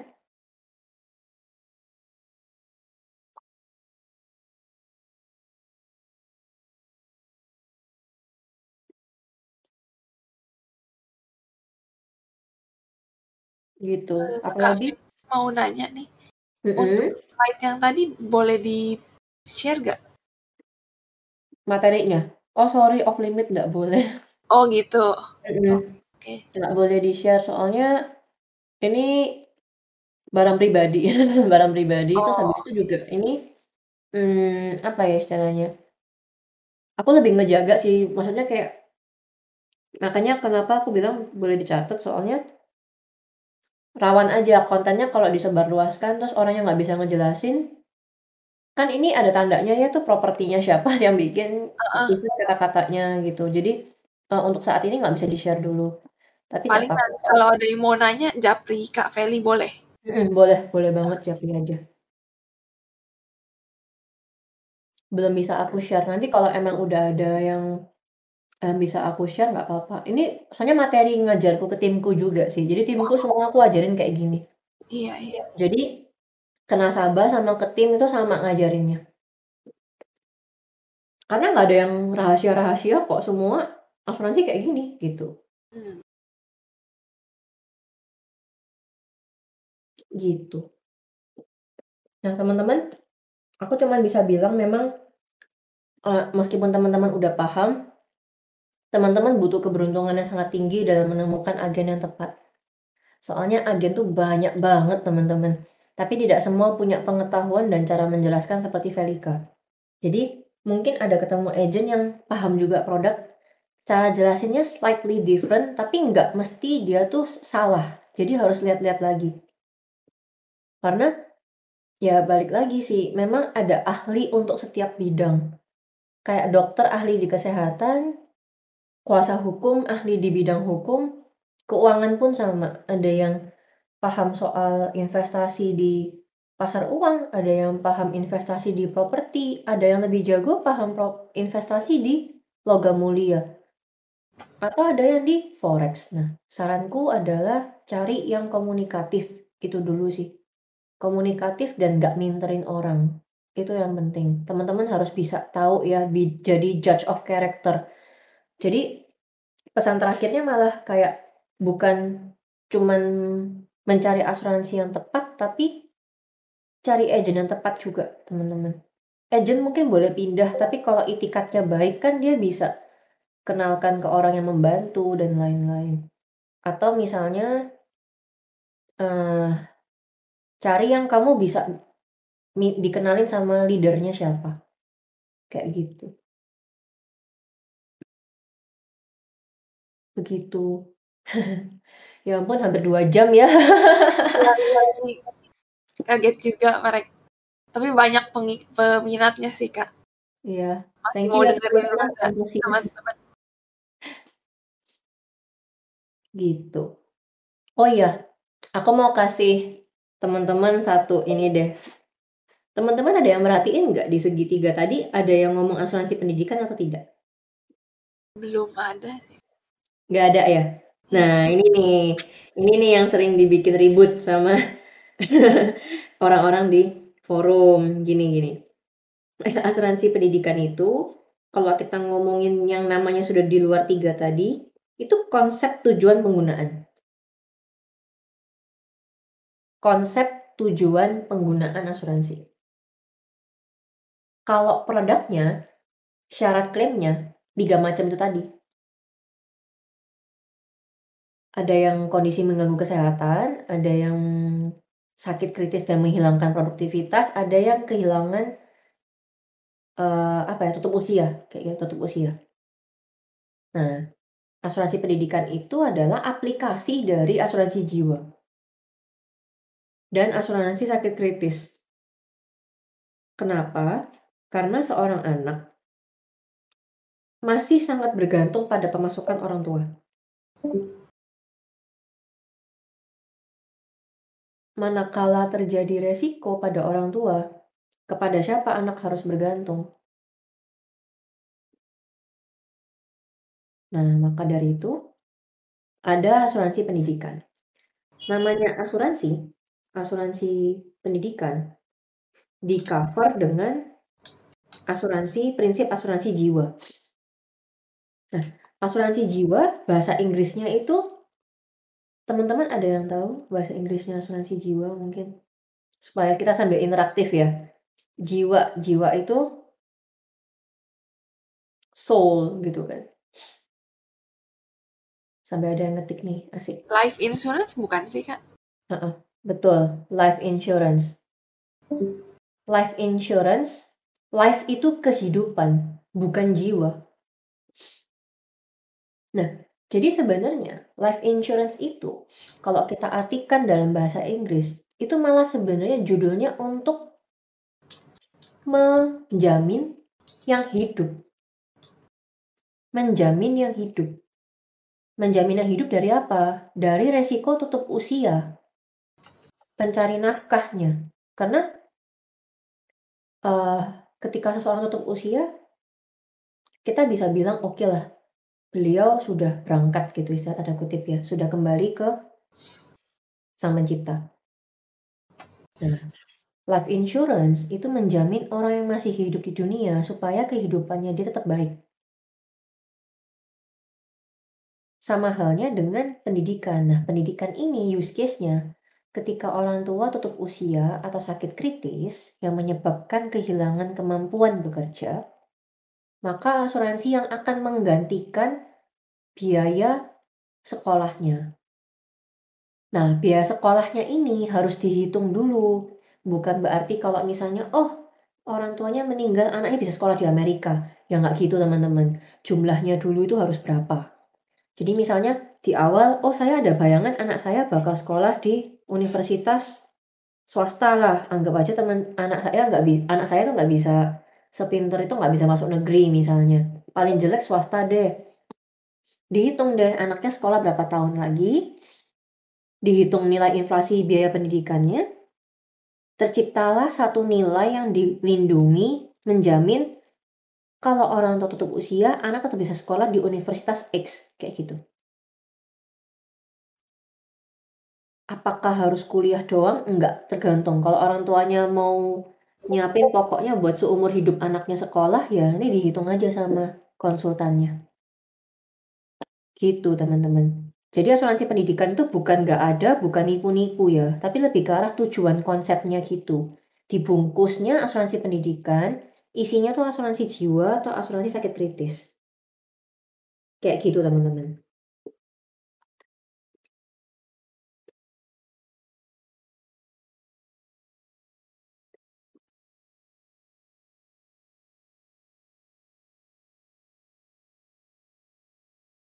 Gitu sih kira-kira semoga jelas ya gimana ke Ana.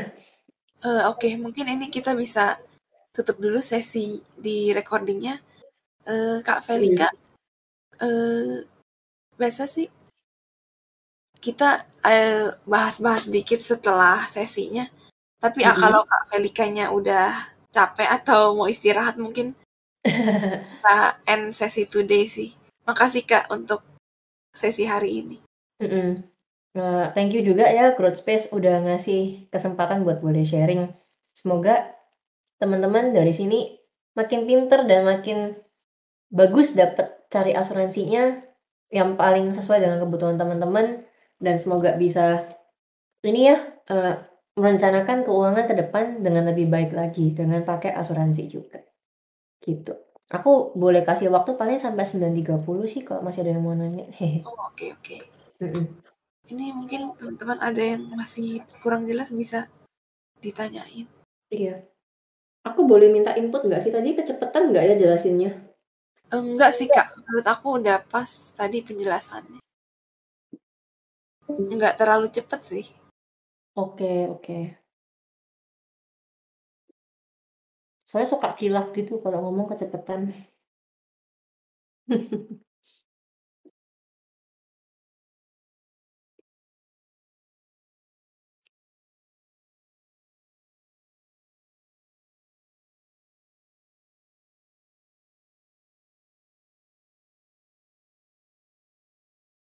Oh ya, paling mungkin kalau gini, hmm, ada salah kata atau ucap atau mungkin ada yang nggak berkenan teman-teman, mohon maaf ya. Pure cuman mau edukasi, cuma mungkin cara komunikasinya lagi nggak pas atau gimana, jadi mohon maaf kalau ada yang nggak enak ya. Thank you banget loh udah pertanyaannya banyak banget, terus habis itu udah antusias juga ngikutin sampai akhir ini lumayan banyak loh orang-orangnya. Iya, udah 2 jam ini. Mhm, 2 jam lagi. Dan topiknya nggak nggak enteng gitu maksudnya. Kayaknya masih ada yang mau nanya nih, typing. Mmm, mhm, boleh boleh. Nggak.